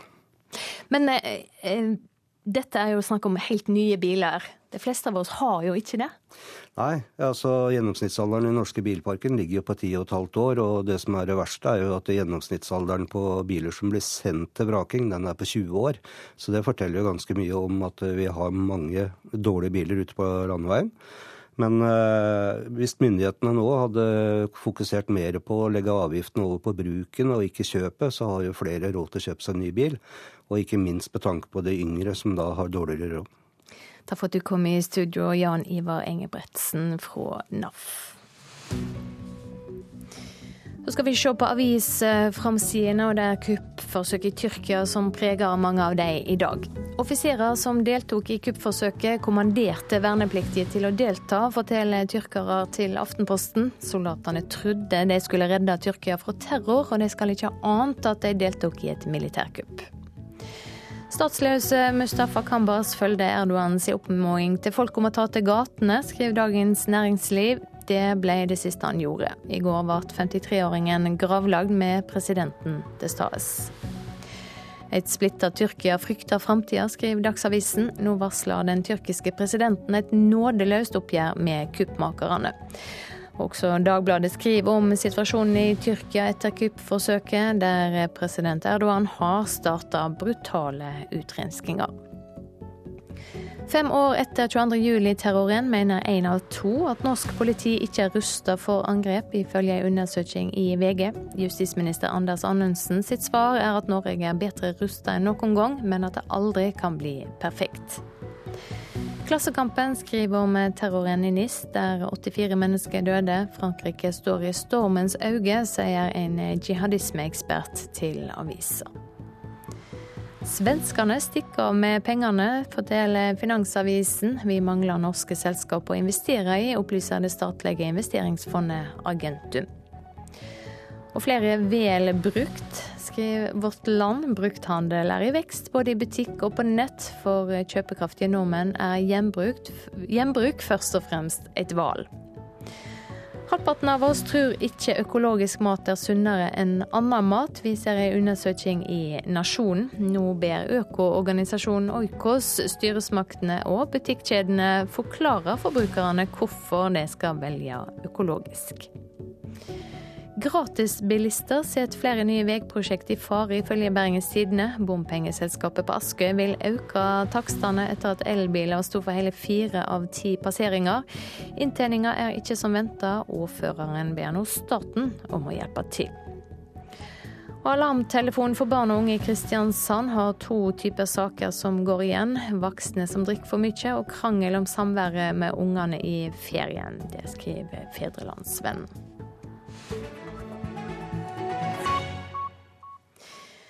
Styresmaktene i Frankrike har eh, nå en sterk mistanke om at mannen bak åtaket i Nis var radikalisert. Ifølge tryggingskilder kan han ha vært i kontakt med jihadister. Familien til den 31 år gamle mannen som drepte 84 personer på strandpromenaden i den franske byen, sier at han var psykisk syk og ikke særlig religiøs. Samtidig har franske styresmakter koblet angrepet til islamsk ekstremisme. Søndag sa en sikkerhetskilde til Ap at 31-åringen tilsynelatende har gått gjennom en rask konvertering til radikal islam og planlagt angrepet nøye. Han skal også ha kommunisert med mulige medsammensvorne før han kjørte lastebilen inn i folkemengden. Fransk politi har så langt pågrepet tre personer i kjølvannet av massakren. Ekstremistgruppa IS har tatt på seg skylden for angrepet, uten at dette er blitt bekreftet. Gjerningsmannen ble drept av politiet etter angrepet. Det sa reporter Anna Rydland Nærum. Da har vi med oss eh, Kristin Skare Orgeré fra Frankrike, professor ved Institutt for journalistikk og mediefag ved Høgskolen i Oslo og Akershus. Du er i Frankrike nå. Hvordan vil du si at eh, terroren preger landet? Den preger landet i stor grad. Dette skulle jo egentlig være en langhelg i eh, gledens tegn etter, i forbindelse med 14.07, som var nasjonaldagen på torsdag. Og mange har ferie, og andre hadde tatt seg en langhelg hvor de skulle være sammen med familie og venner og hygge seg. Og så ble det da isteden denne terrorhandlingen som resulterte i en nasjonal landesorg. Og vi ser at både sorg og solidaritet med ofrene står veldig sentralt, både i mediene og i det folk snakker om, men også en økende grad av både sinne over at dette kunne skje, og syns jeg eh, mye resignasjon, rett og slett, over at dette er den nye virkeligheten. At dette ikke lenger kan ses som en enkeltstående hendelse, men at vi er midt oppi en periode med attentater i Frankrike, og, og, ikke minst at lignende angrep kan skje igjen. Så ingenting blir som før, er eh, et gjennomgangsmantra her i Frankrike for tiden. Du har sett på den franske ordbruken etter eh, terroren i Paris, og, og da sa du at hat- og krigsretorikken eh, tok fokus vekk fra andre utfordringer i Frankrike. Hvordan vil du si ordbruken er nå sammenlignet med da? Ja, Vi ser egentlig to tendenser. Det ene er rett inn i en videreføring av krigsretorikken. Og, og Francois Hollande brukte den også i sine første uttalelser eh, til mediene. At dette er, henger sammen med, selv om vi da ikke egentlig hadde fått bekreftet hvem terroristen var, og, og hvilken tilknytning han hadde eller ikke hadde til IS, så satte presidenten det med en gang inn i et bilde av eh, krigsretorikk, og, og, knyttet det til den franske deltakelsen mot IS i, i Syria og Irak. Men så ser vi også at de siste dagene har vært mye fokus på franske muslimers situasjon. Eh, og at mange mener at vi må ha mer fokus på bakenforliggende årsaker av mer strukturell art, eh, som det naturligvis vil være vanskeligere å, ta lengre tid å endre. Men at man er nødt til å innrømme at man har i stor grad mislykkes med å integrere eh, muslimer i Frankrike. Det er ca. 8% av Frankrikes befolkning som er muslimer, mens eh, hele 60-70% av de som sitter i franske fengsler, f.eks., er muslimer. Så, så, det er et gjennomgangstema at det er et misforhold også mellom uh, da, andelen av befolkningen og uh, folk som da ikke lykkes i samfunnet, og da ender eh, f.eks. som kriminelle. Og frykter man nå da i økt grad føler seg mis mistilpasset, og, og, kan da også oppfattes som potensielle terrorister. Eh, i jobben din så eh, ser du på medias rolle mellom annet demokratiseringsprosesser. Og dersom vi skal kjapt gå innom den andre store hendinga denne helga, nemlig eh, forsøket på statskupp i Tyrkia. Hva rolle har media spilt der? Det er et veldig interessant uh, tilfelle i så måte. For det vi så, var jo at uh, de som da prøvde å ta makten i Tyrkia, ikke helt hadde forstått hvor viktig de sosiale nye mediene er i en slik situasjon. De tenkte litt gammeldagse termer med å ta å få kontrollen over statskanalen, kringkasteren, men, men det at folket brukte da andre kanaler til å mobilisere eh, mot kuppforsøket. Eh, det var de tydelig veldig dårlig forberedt på. Så der spilte da sosiale medier en veldig, veldig viktig rolle. Og det er jo egentlig ganske paradoksalt, fordi Erdogan også har gjort mye for å slå ned eh, mot frittalende journalister og eh, ytringsfrihetsaktivister, og fengslet eh, flere sentrale personer de siste månedene. Allikevel så var det da nettopp disse frie stemmene som på mange måter reddet ham og, og hans regime. Takk for at du var med oss her i eh, Nyhetsmorgen, professor ved Høgskolen i Oslo og Akershus, Kristin Skare Aasre. Hovedsaker her i Nyhetsmorgen nå. Fransk politi skal ha blitt sikrere på at gjerningsmannen i NIS ble radikalisert den siste tida. Folk som ønsker å avbestille reiser til feriebyer sør i Tyrkia, kan ikke regne med å få refundert billettkostnadene. Og velg blant de aller sikreste bilene, er rådet fra Vegvesenet. Bedre tryggingsutstyr har spart mange menneskeliv på veier de siste åra.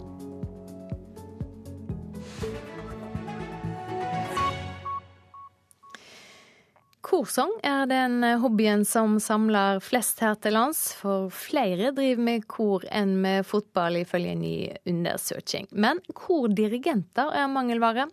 Nå vil Koralliansen, dvs. Si sangerorganisasjonene, starte egen dirigentopplæring. Begynte i kor da jeg var ti år. Begynte i høst. Moro det. Så jeg skulle begynt med det mye før. Oppvarminga er i gang. Sjøl i ferien holder mange på med den hobbyen som er blitt Norges største. I Norge er det faktisk flere som synger i kor enn som spiller fotball. Men dirigenter er mangelvare, så nå vil Koralliansen lære opp sine egne. Sammen med de andre kororganisasjonene så skal vi nå lage et modulbasert opplæringsopplegg som vi skal rulle ut rundt i hele landet. Sier generalsekretær i Norges Korforbund, Åsmund Mæle. Vi har sniket oss med på øvelsen til et prosjektkor med sangere fra hele Hedmark, der flere kjenner seg igjen i dirigentutfordringen. Altså, dirigenten vår sa opp på slutten nå i juni, så vi fikk helt panikk. Og dirigenter vekst på trær. Sier Toril Lindholt i Hamar damekor. Og på Koppang i Østerdalen har Mikaelskoret nettopp kommet seg over ei dirigentkneik, men nå er det på'n igjen. Dirigenten vår slutter nå i løpet av året. Så du krysser fingre? Ja, må jo det, da. Må jo det. Sier Anni Jordal. Korforbundet får ukentlig henvendelser fra kor som sliter med å få dirigent, og det er verst ute i distriktene. Vi har hatt noen, som sier de nei, det er altfor langt å reise. Så Derfor ønsker vi å, å, ha disse kursene spredt rundt i landet, sånn at det er også folk som bor i, i bygdene og kommunene rundt omkring, kan ta disse kursene og, og dirigere kor der de bor. Hold pusten, så er altså å dra tona så langt de bare klarer. Den ferske undersøkelsen Singing Europe viser at det er 7500 kor i Norge. Kanskje er det for mange kor? Nei, det tror jeg ikke. På ingen måte. Nei. Jeg har sjøl vært med over 50 år, så det Sier Magne Norseng i Øvre Vang sangkor. Og får støtte av generalsekretæren. Et, vi kan ikke få for mange kor. Vi tar det, repeterer den før vi går videre på Frøysen. Den planlagte opplæringa skal gjøres via helgeseminarer og med flere nivåer. Ja, disse, denne modul 1 som vi kjører nå for første gang på sommerkorskolen på Hamar i slutten av juli, den er ypperlig for en vanlig korsanger som kanskje har lyst til å bli hjelpedirigent. Og så kan man kanskje gå videre på modul 2 og, og bli leder for et kor selv. Dirigent må jo kunne ha faget sitt for å kunne veiledes, da. Ja, den er uhyre viktig. Og enhver dirigent setter jo sitt preg, preg på, på, et kor. Men alt koster, og korfolket håper på penger fra Kulturdepartementet for å få dette til. Vi har søkt om 1,7 millioner årlig for å, drifte dette opplegget, og et par hundre tusen til å utvikle det ferdig. Reporter her, det var Torunn Myhre. I dag er det åpning av en festival med lange tradisjoner, nemlig Moldejazz. Og reporter Wilhelm Støyl, du er på plass på festivalområdet. Er alt i rute? Om alt er ute, det er jo ikke akkurat noe jeg kan svare på. Men jeg ser at det er begynt å komme opp boder rundt omkring, og folk holder på å gjøre seg klar. Det er en sånn grå dag. Jeg står altså nå midt i sentrum her, men jeg ser at sola kommer inn mellom skyene her. Og jeg står her nå i lag med festivalsjef Hans Olav Solli. Er alt der ute? Jeg får spørre deg, da. Ja, Det tør jeg påstå. Vi merker jo at hele byen, alle besøkende, nå sitrer av forventning til hva den 56. jazzfestivalen i Molde har å by på. Og jeg har tenkt at vi skal levere i fullt monn. Men du, ta oss og Fortell litt om årets festival. Hva, hva er det en bør få med seg i år? Å, det er en masse ting. Vi har jo over 50 konserter her og et stort gratistilbud i, i tillegg. Eh, noe av det som er veldig spennende, er jo de tingene som Ola Kvernberg som artist in residence gjør. Han gjør altså sju konserter på seks dager. Og her er det bare én av dem som er utsolgt ennå. Noen er godt på vei, sant? så her er det muligheter. Vi har jo åpningskonserten i dag bare i Bjørnsonhuset med Mechanical Fair. Der er det billetter igjen ennå, så det er bare å hyve seg rundt for dem som har muligheter til det. Og ja, det er masse som skjer. I morgen så har vi en historisk Moldejazzddag med Chico Rea og Pat Metini på samme kveld. Og på Romsdalsmuseet på torsdagen så har vi altså Esperanza Spalding, Joss Stone og Ane Brun i rask rekkefølge i én og samme konsert. Så det er jo litt av et kinderegg, bare det. Ja, ikke, ikke dårlig. Du, Moldejazz er jo en stor uh, storsatsing og et økonomisk sjansespill. Uh, men så langt uh, har jeg forstått at forhåndssalg av billetter er gans, ganske bra? Det er enda mye bedre enn i fjor, som var enda mye bedre enn året før. Vi har faktisk ikke hatt så bra forhåndssalg siden Leonard Cohen var det store tekplasteret i 2009. Så vi har tatt noen grep som vi ser at vi nyter godt av. Vi merker som sagt at det er en kjempeforventning nå i, i byen her. Hva er det du gleder deg aller mest til, da? Oh, det, det, er masse. Jeg har en, jeg har en lang smørbrødliste av, av, konserter. Men det er faktisk lokale ting. Hedvig Mollestad Thomassen fra Ålesund, som spiller på Klubbnatt på Plassen her på onsdagen. Hun jo, eh, blir jo betegna som den nye Rypdal. Sant? Så det, det, er viktig å få med seg de som er på vei opp i dette bildet. Og så har vi noe så spesielt som at Vadada Leo Smith, en legende innen frijazz, kommer til Moldejazz. For første gang spiller han i Skandinavia ever. Du, Helt kort nå, hvordan er hvilepulsen din? Nei, du, den, den den er faktisk helt grei, den. altså. Ja, jeg har veldig stor tro på det vi har på med her nå. Da krysser vi fingrene for at eh, dette her går så det suser, og at det blir mye folk og liv og god økonomisk oppslutning på alle, på alle vis. Takk skal du ha, reporter Wilhelm Støyl. Så skal det handle om film her i Nyhetsmorgen. Istid 5 er spådd å bli sommerens store familiefilm. Slapstick-humoren er fremdeles knakende god, mener vår filmmelder Sigurd Vik. Å! Hallo, pattedyr! Buck, hva gjør du her? Det er nå det starter! Moderen av alle asteroider suser nå mot oss! Vi... Istid på kollisjonskurs er en fargerik karuselltur med kjente fjes, kjente stemmer og kjente utfordringer. Dette er film nummer fem i rekka, og den gjør lite for å skille seg fra sine forgjengere i stil og tone. Historia er heller ikke den mest magekriblende i filmserien, men slapstick-humoren er fremdeles knakende god, og figurene er fortsatt full av sjarm og varm medmenneskelighet. Den visuelle kreativiteten er i elitedivisjonen av leken animasjonshumor, og det er en fryd å følge de mest spektakulære sekvensene.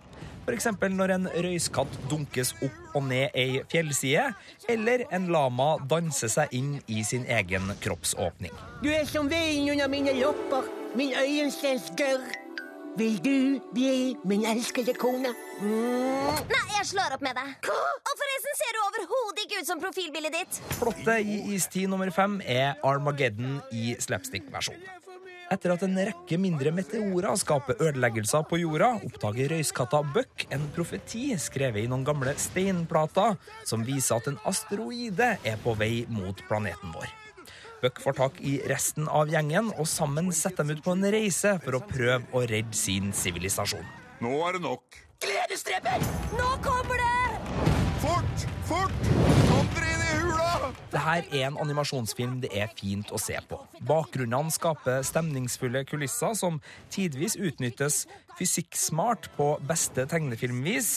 Spesielt leken med meteorene sin magnetiske kraft og en elektrisk storm brukes oppfinnsomt og vakkert. Og en, ny krystalldekt verden skaper et fargespill som fenger i kinomørket. Det nøtteglade og tannsterke ekornet Scrat er også med på leken denne gangen. Han har fått et viktig, men avsidesliggende sidespor i historia, og er plassert ute i verdensrommet. Her lekes det både med sci-fi-mytologi og gravitasjon for å gi nytt liv til nøttejakten. Ja da, den vitsen er slitt nå. Vi vet alle hva som skjer, men jeg flirer likevel. De norske stemmene kommer fra en solid gjeng. Otto Jespersen og Linn Skåber har god kontroll på den lune, gode tonen mellom mammutparet Manni og Ellie, og Åsleik Engmark er kjapp og referansesterk som røyskatta Buck. Se her, pattedyr! Ei smakebit fra asteroida som kjem. En romstein rykende fersk fra kosmos. Dette er ikke en film du bare må se. Latterbrølene står ikke i kø, og hvis du er av typen som kjente at fire filmer var nok med Sid og gjengen, så er det jo bare å hoppe over den her. Men hvis du liker kjemien mellom de pelskledde pattedyrene, og du er klar for nok et barnevennlig iseventyr, så serveres det sånn cirka akkurat det du forventer i Istid 5 på kollisjonskurs. Det derimot er en bæsj. Terningkast fire. Ja, du kan eh, lese mer om denne filmen på nrk.no film. Straks er det klart for Dagsnytt 8.30, eh, og om eh, litt i Nyhetsmorgen skal vi høre at plastisk kirurgi er i ferd med å bli vanlig. Nå vil også unger legge seg under kniven for å likne på sine førebilder. I 2017 starter slukkingen av FM-nettet, og radioen blir digital. Med DAB pluss får du 25 riksdekkende kanaler i bilen også.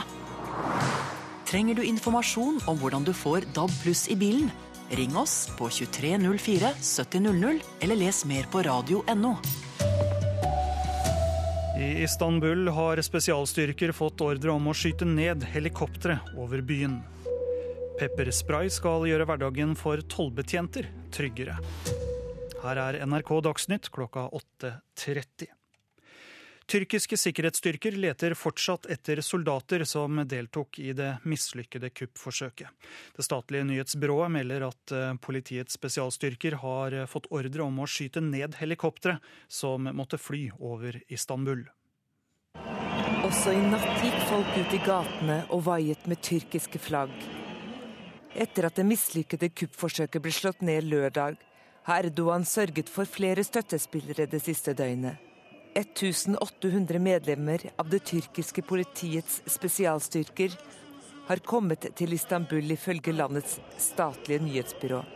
Politifolkene er hentet inn fra naboprovinsene og patruljerer i byen i tillegg til at de bevokter viktige installasjoner, opplyser nyhetsbyrået Andalou. Ifølge nyhetsmeldingen har politisjefen i byen Mustafa Kaliskan gitt ordre om at helikoptre som flyr over byen skal skytes ned uten forvarsel. Samtidig har presidenten gitt beskjed om at F-16-fly skal patruljere hele det tyrkiske luftrommet. Reporter var Maria Hasselgaard. Fem soldater er drept i to ulike selvmordsangrep i Mukalla sør i, sørøst i Jemen. Det opplyser hæren i landet, som sier angrepene ble utført av terrorister. Mukalla var tidligere den selvoppnevnte høyborgen for Al Qaida på den arabiske halvøy, melder nyhetsbyrået AFP. Det var en 29 eh, år gammel mann som skjøt og drepte tre politibetjenter i Baton Rouge i Louisiana i USA i går. Det melder flere amerikanske medier. Ytterligere tre betjenter ble såret. Ifølge nyhetsbyrået Reuters skal 29-åringen tidligere ha vært eh, soldat i det amerikanske forsvaret. Det blir eh, trolig tryggere å være tollbetjent i grensekontrollen. Som et eh, prøveprosjekt er det nå eh, innført pepperspray for de første tollerne. Ifølge tollvesenet er det mellom 20 og 30 voldsepisoder mot betjenter i grensekontrollen hvert år. Avdelingssjef Asle Farberg i tollregion Øst-Norge sier peppersprayen kun skal benyttes til selvforsvar. Dette kan være en ytterligere trygghet for den tjenesten som vi utfører. Og der er jo eh, pepperspray bare et siste nødvergehjelpemiddel. Det er jo mange andre teknikker og konflikthåndtering som vi er eh, opptatt av å trene på og være gode i for å unngå at eh, dette hjelpemiddelet tas i bruk. NRK Dagsnytt fikk du av Hans Christian Eide. Det skal handle om eh, Tyrkia nå her i Nyhetsmorgen. Etter det mislykka militærkuppet i Tyrkia har 2700 dommere fått sparken. Professor Nils Butensjøen eh, ved Senter for menneskeretter er uroa for eh, utviklinga. Konsekvensen blir altså da at rettssikkerheten blir betydelig svekket. Han har jo også i høy grad begrenset ytringsfriheten. Han viser bl.a. til at flere journalister har blitt fengsla i Tyrkia, senest for noen uker siden. Dekan ved NTNU, Camilla Nereid, forklarer hvordan myndighetene forsvarer og avsetter dommerne. Ifølge tyrkiske myndigheter så er det Gulen-bevegelsen som står bak kuppforsøket, og Gulen-bevegelsen har også infiltrert rettssystemet, ifølge tyrkiske medlemmer. og Dette gjør at disse dommerne nå er inhabile i forhold til å gjennomføre rettsoppgjøret etter kuppforsøket. Mistanken er jo at han vil bruke denne anledningen, som dette mislykte kuppforsøket var, til å rense ut, eh, i dette tilfellet da så å si eh, hele rettsvesenet, for å sikre seg mer lojal dommerstand. Vi ser at, eh, at den, det som kommer ut fra bildet nå, er et veldig sterkt eh, tilbakeslag mot andre i forbindelse med kuppet. Noe av dette er rettferdiggjort, annet kan det være ikke rettferdiggjort. Og Det er viktig for oss å få oversikt over situasjonen før vi gjør oss eh, til dommere. Det er mange som spiller i media også. Det sier statsminister Erna Solberg.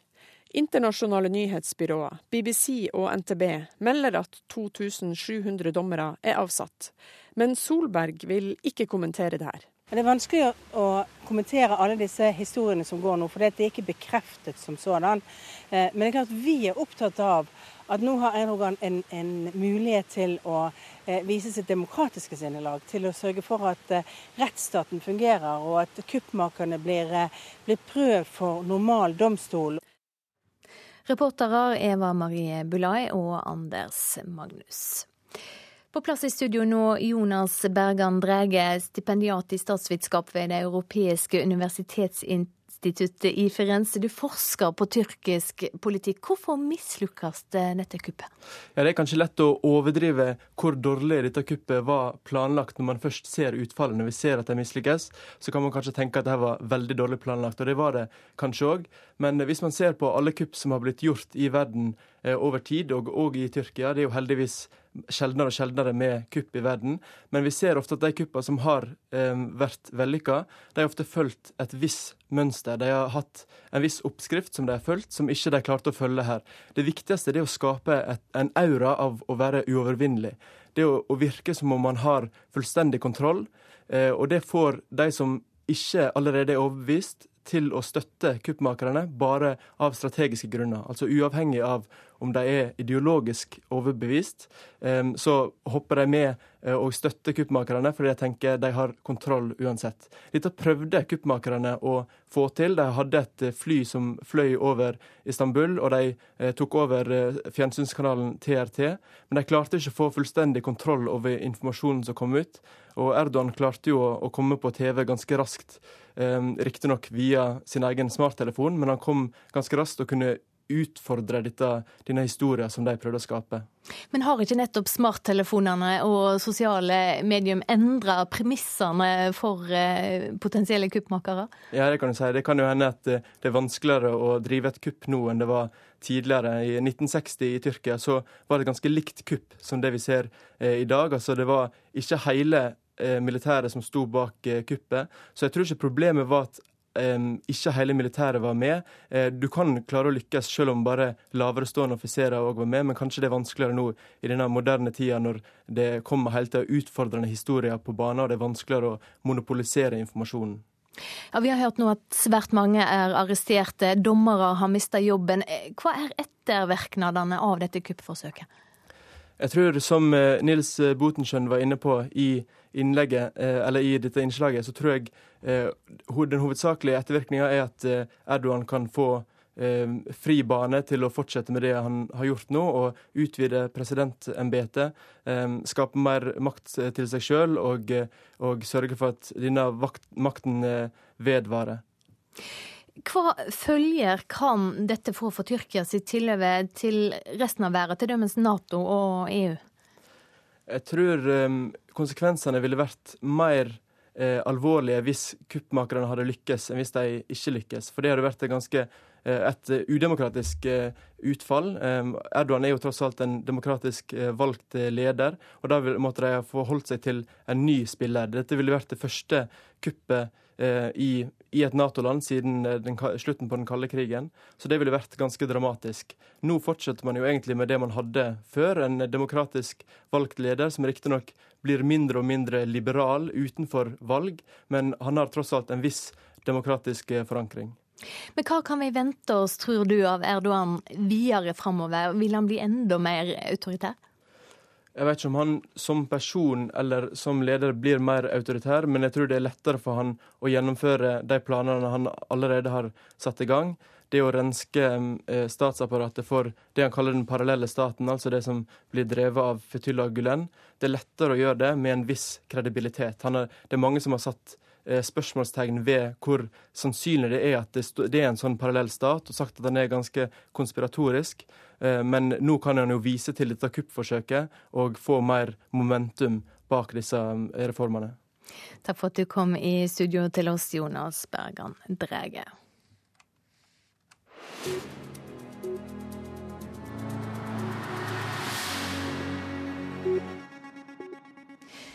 Nå skal det handle om eh, blogger og eh, sosiale medium der eh, unge jenter blir eksponerte for syltynne kropper, unaturlig store pupper og stramme rumper hver dag.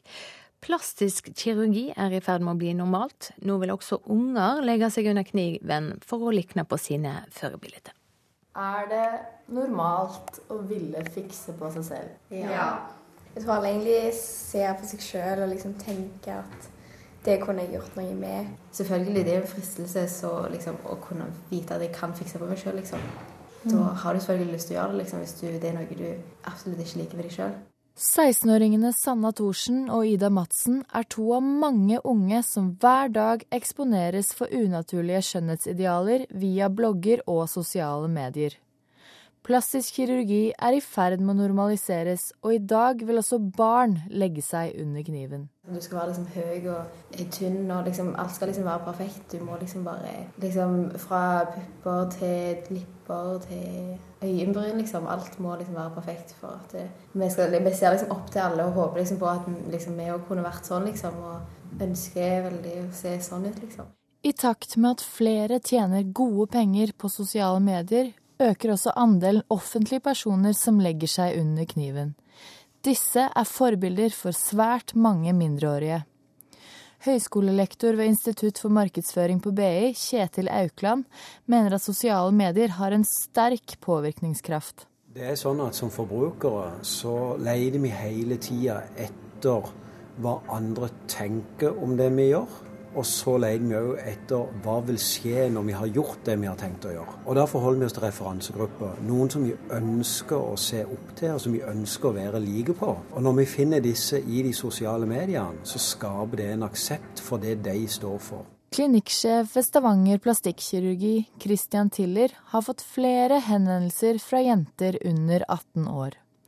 Flertallet ønsker å forstørre brystene, fjerne stygge arr eller overføre fett fra ett sted på kroppen til et annet. Aldersgrensen på forskjønnende inngrep er likevel 18 år, og Tiller sier kun ja til mindreårige som med samtykke fra foreldre ønsker å fjerne arr, føflekker og lignende. Det er klart Bloggere har et veldig stort ansvar. da. Eh, Plastikkirurgi i Norge er jo veldig strenge regler for markedsføring. Mens bloggerne igjen, der er det heller ingen regler, da. Sånn at uh, de blir nok sterkere sterkere påvirka sånn sett, da.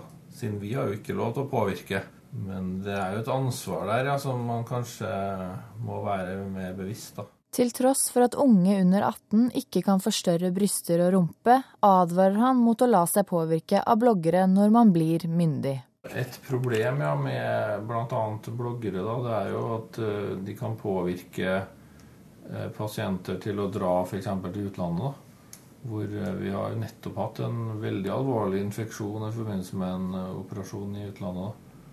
Og Det var jo bare så vidt den pasienten overlevde. og Hun fikk jo ikke noe hjelp, da, for det var jo veldig langt til klinikken. 16-åringene tror derimot ikke at påvirkningen utelukkende skyldes sosiale medier, men også venner og miljø. Thorsen mener at unge heller burde fokusere på å styrke egen selvfølelse og bli flinkere på å komplimentere hverandre. Det er bedre å liksom akseptere seg sjøl, akseptere at folk er forskjellige. Alle kan ikke se like ut. For det vi gjør nå, det er jo å operere oss til at alle skal være perfekte, og alle skal se ut som barbiedokker, liksom. Og det, ja, det blir bare Det blir liksom ingen forskjell på oss. Og kanskje er trenden i ferd med å snu blant den yngre generasjonen. Det er jo veldig mange som syns at det naturlige er mye finere, liksom. Og det har blitt mye større vekt på i det siste, syns jeg i hvert fall, at det naturlige òg skal komme fram. Reporter Tuva Skei Tønseth. Til Kasakhstan nå. Der er det meldt om et angrep mot en politistasjon der to politifolk skal være skutt. Hva mer vet du om dette, Moskva-korrespondent Morten Jentoft? Ja, Flere nyhetsbyråer her i Moskva melder om at det er meldt og hørt skyting da flere steder i Kasakhstans største by, Almaty, eh, den tidligere hovedstaden i, i Kasakhstan. Og som du sa, det skal altså være angrep på politiet som har vært på gang. Eh, minst to politifolk er drept. Det skal være flere angripere. Hvor mange, det vet vi ikke. Eh, Innenriksdepartementet, politiet i Kasakhstan, ber folk holde seg hjemme og sier at det er satt i gang en antiterroraksjon i Almaty. Hvem eh, kan stå bak denne aksjonen? Eh, det vet vi jo ikke, men eh, myndighetene antyder at det kan dreie seg om eh, radikale religiøse grupper, sies det. Vi vet jo at det var større et større antiterror, eller et større terrorangrep i en annen stor by i Kasakhstan i begynnelsen av juni, i Aktobe. Den gangen så ble sju sivile drept i angrepene, mens 18 det som man definerer som terrorister i Kasakhstan, ble drept i den antiterroraksjonen som skjedde etterpå. Kasakhstan har jo vært relativt rolig. Det har vært få eksempler på denne type terrorangrep. Men nå ser vi altså at det er to sannsynligvis da, store angrep som skjer i løpet av to måneder. Og det forteller jo også at det ulmer under overflaten i Kasakhstan også, kanskje bl.a. pga. den økonomiske nedgangen som landet har hatt pga. fallende energi, og da særlig oljepriser. Kan vi vente oss mer uro i Kasakhstan i tida framover? Det er vanskelig å si. Dette er selvfølgelig, og det, sier, det har nok myndighetene rett i, dette er, er små grupper av, av, av, unge menn da, som gjennomfører denne type angrep. Eh, eh, men det at det har vært eh, to såpass omfattende angrep i løpet av to måneder, det, det forteller jo at selv ikke det i utgangspunktet relativt rolige Kasakhstan. Det har jo vært styrt av én mann, sultan Nazarbayev, siden slutten av 1980-tallet. Selv ikke i dette relativt rolige eh, landet så er man helt trygg for denne type angrep. Hva støtte har han hos eh, folk flest? Eh, jeg tror nok at uh, Nazarbayev har en relativt solid posisjon i, i Kasakhstan. Han styrer jo landet mer eller mindre eneveldig. de små gruppene av opposisjon som finnes da, har vært relativt tøft undertrykt. Selv om Kasakhstan framstår som det mest demokratiske, eller ved siden av nabolandet Kirgisistan, som det mest demokratiske av landene i Sentral-Asia. Men all makt er samlet hos eh, Nazarbayev. Og han får også æren for at eh, landet har vært som jeg sa, relativt rolig, og at det har vært få tilfeller av, eh, av uro eller etniske problemer. Vi vet jo at det bor en stor russisktalende minoritet i Kasakhstan. Mellom 20 og 30% av befolkningen er etniske russere. Og forholdet mellom russere og kasakker i, i Kasakhstan har har vært relativt godt. Takk skal du ha, Morten Jentoft. Hovedsaker her i Nyhetsmorgen nå. Velg blant de aller sikreste bilene. Rådet fra Vegvesenet, bedre tryggingsutstyr, har spart mange menneskeliv på veiene de siste åra. Fransk politi skal ha blitt sikrere på at gjerningsmannen i NIS ble radikalisert den siste tida. Og nordmenn som ønsker å avbestille reiser til feriebyer sør i Tyrkia, kan ikke regne med å få refundert billettkostnadene.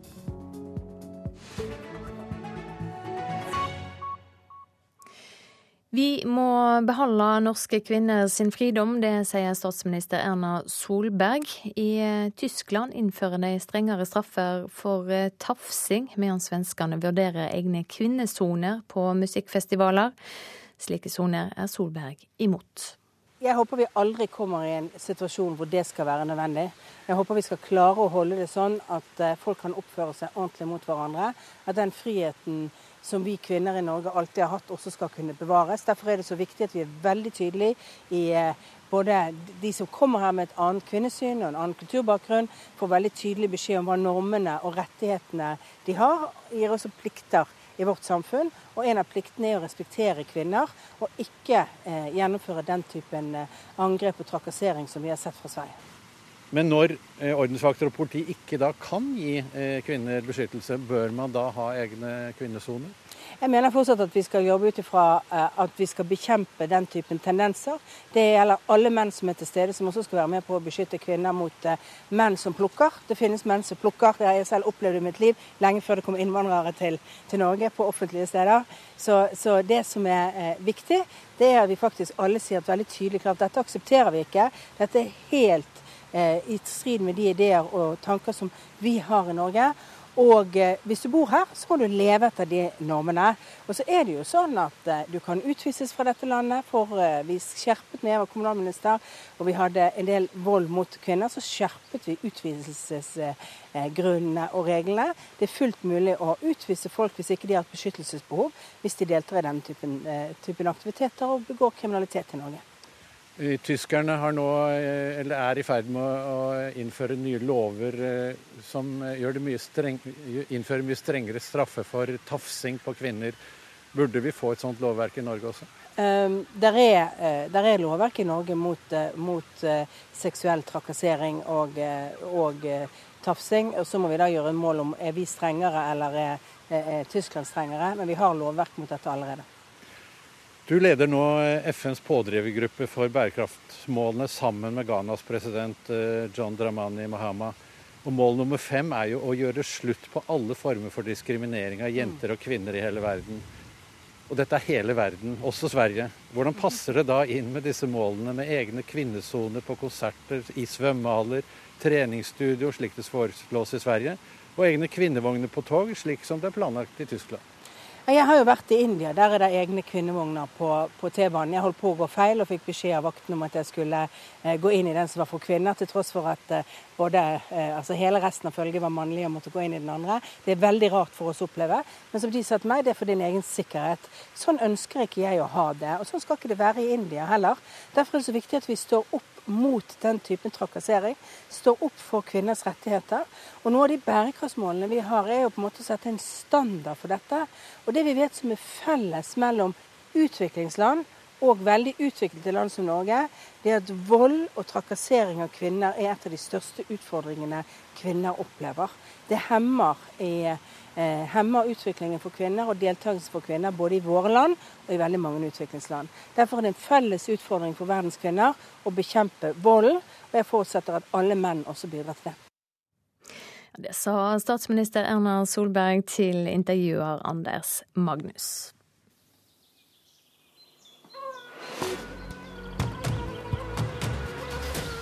Dagens sommergjest. Ja, I dag er det mannen bak storfilmen 'Kongens nei', som har premiere i september. Filmregissør Erik Poppe har også laga filmer som 'Hawaii Oslo' og 'Tusen ganger god natt'. I dag er du vår sommergjest. Klarer du å logge av i ferien når premieren nærmer seg med stormskritt? Hvis du hadde spurt uh, Kirsten, kona mi, om det, og så hadde hun nok presset meg til å være helt ærlig. Hun går ikke med på at jeg at jeg helt klarer det. Um, det er nok liksom et prosjekt som ruller og går, som nærmer seg en premiere. Uh, og da er det så mange som jobber parallelt, så man setter liksom de i gang, og så prøver man å ta seg noen dager uh, fri. Jeg forsøker, uh, i hvert fall. Det skal jeg være svaret på det. Hva er det beste du gjør uh, om sommeren? Det aller beste det er egentlig uh, nesten å være hjemme, altså. Uh, å spasere ut i hagen og hente bær med sine egne hender, putter i skålen inn og lager en, en kornblanding altså as, av, frukt, av, av, hagens produkter. da. Og bare kjenne hvordan eh, stillheten senker seg over byen. Så jeg skulle gjerne vært mer hjemme. Uh, men uh, det er vel egentlig det å forsøke, og som du sier, prøve å, å koble av litt. altså. Ja, For det siste året så har eh, filmen 'Kongesnei', vil jeg tro, dominert livet ditt i stor grad. Hvordan har det vært å jobbe med denne filmen? Det har vært uh, veldig spennende, uh, selvfølgelig. Men uh, det er også en stor utfordring, fordi det er et prosjekt som har mange utfordringer. jeg trodde jo Jeg er ikke den som er aller mest interessert i krigsfilmer og den, den, ja, den, type historier. Men når jeg først gikk inn i det og så dette, så var det en veldig spennende historie. når vi så begynte å filme, så oppdaget jeg veldig fort at jeg trodde liksom at flest folk her i landet var opptatt av fotball, eller kor, som jeg har hørt på morgenen. Men eh, jeg tror nesten det er flere som er, har annen verdenskrig som hobby. Som er så opptatt av at det skal være riktig. Eh, og det gjør jo at vi har satt alle ressurser inn på at det virkelig skal bli så korrekt som mulig, da. For dette er jo en film som handler om de dramatiske aprildagene da Norge ble okkupert eh, av Tyskland. Det er jo lenge siden. Ja, det er veldig lenge siden. Det er altså 76 år siden. Eh, men det slår meg eh, hvor på en måte eh, aktuelt det kan være å trekke fram følelsen av, av flukt i våre tider. Det er ikke så mange år siden vi selv måtte på flukt. Og den historien er på mange måter en, en dramatisk historie som følger først og fremst kong Haakon og familien på flukt, forfulgt av den tyske krigsmakten. Og, og, disse tre første døgnene var jo på en måte noe av det mest eh, dramatiske Norge har vært utsatt for.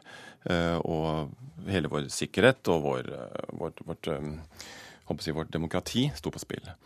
Og, det, og at det var at det bare var en gruppe med eldre menn som flyktet, er nå én ting, men at det var så dramatisk. Og at denne familien var så presset. Og, og, hvor vondt det var for disse menneskene å måtte skilles og, og uten å vite hvordan de noensinne kommer til å se hverandre igjen, trekker veksler til vår tid i dag. Er det noe du har snakka med skuespillerne om? Ja, det har vi gjort. Um, det er klart at Denne filmen har altså tatt over to år å filme. Så det rare er at når vi begynte, så var liksom ikke den store flyktningkrisen kommet til uh, Europa ennå. Altså Så ny er den jo i vår tid. Men um, det har slått oss alle. Og på en annen måte så er det også noe med å, å, filme på steder. Altså Den er filmet på de stedene der det skjedde virkelig til Norge. Og det å få liksom barn og barnebarn til å stille opp og spille sine besteforeldre, stå der og forsøke å, å stanse den tyske krigsmakten um, og, prøve å verne om vårt demokrati, var jo veldig gripende for dem og for alle oss. Så um, det har vært, um, det har vært en historie som har vært ganske sånn emosjonelt mye mer gripende enn jeg ville tro den var da jeg startet. Men altså innspurten nå på den filmen, vet du hva du skal gjøre etterpå? Altså Nå er det jo en thriller for å få den filmen ferdig til september når den skal opp. Det er alltid sånn at det er så mye som skal på plass, og det er så mye som kommer inn i siste, siste sving. Så det er eh, relativt hektisk. Eh, men jeg har tanker, og jeg har, ja, vi har tatt en beslutning på hva jeg skal gjøre når eh, den dagen i september er kommet. Hva Men, det neste prosjektet blir. Det får ikke vi gjøre nå? Ikke akkurat nå, nei. Først en sommer. Riktig god sommer, Erik Popp, og takk for at du kom som gjest hit i Nyhetsmorgen. Da skal vi over til været. Statsmeteorolog Terje Alsvik Vallø, du er på plass. Hvem er det som har det beste sommerværet i dag? Eh, det er vel ikke noen som har det helt sånn fantastisk, men i hvert fall Sør- og Østlandet har i hvert fall delvis sol i dag, og temperaturer som kommer opp til rundt 20 eh, lovkant av 20 grader. Og så er det ikke så aller verst i Finnmark heller. De hadde over 20 grader flere steder i Finnmark i går, og også i dag så er vi nå nær 20, i hvert fall på de varmeste stedene der. Men så er det ganske dårlig da ved Troms og Nordland f.eks., hvor det blåser og regner, og temperaturen ligger på sånn 10 grader. Og så er det ikke sånn knall på Vestlandet og Trøndelag heller, men uh, det går mot en bedring da langsomt utover dagen her med noen grøtt av sol opp, og så er stort sett fall utover ettermiddagen og kvelden. Så det er sånn litt blandet, og ikke sånn helt strålende egentlig så mange steder i landet i dag. Men altså, Sør-Østlandet får i hvert fall brukbart vær i dag med sommerlige temperaturer og opphold seg stort sett. Men dette er vanlig for midten av juli måned? Det er vel mer vanlig enn vi liker å tro, i hvert fall. Jeg tror kanskje det skal være 25 og sol hver dag, men det, er, eh, det har ikke vært så kaldt i juli hittil som man liker å tro. Det ligger sånn ganske nær normalen og litt i underkant, da, så det er ikke noen voldsomme avvik eh, fra normalen. Men eh, klart 10 grader og regn i Tromsø nå i dag, det er kanskje ikke det man drømmer om, men det er ikke så uvanlig likevel. altså det er ikke det. Hva med temperaturene videre framover? Har vi endringer i vente? Ja, for folk nordpå vil jo oppleve at temperaturen vil stige, særlig i slutten av uken. Så vil nok mange i Nord-Norge oppleve temperatur i overkant av 20 grader. Så det er absolutt håp om mer sommerlig vær også nord i landet nå i løpet av noen få dager. Også Trøndelag og Vestlandet vil oppleve at temperaturen går for opp nå i midten av uken. Så hvis det hele landet er nok håp om å få se 20-tallet i løpet av denne uken her, faktisk, både nord og sør. Takk for det, Terje Alsvik Vallø. Nyhetsmorgen er straks ferdig for i dag. Ansvarlig for sendinga Anders Borgen Werring. Teknisk ansvarlig Eli Kyrkjebø. Produsent Katrine Nybø. Her i studio Silje Sande.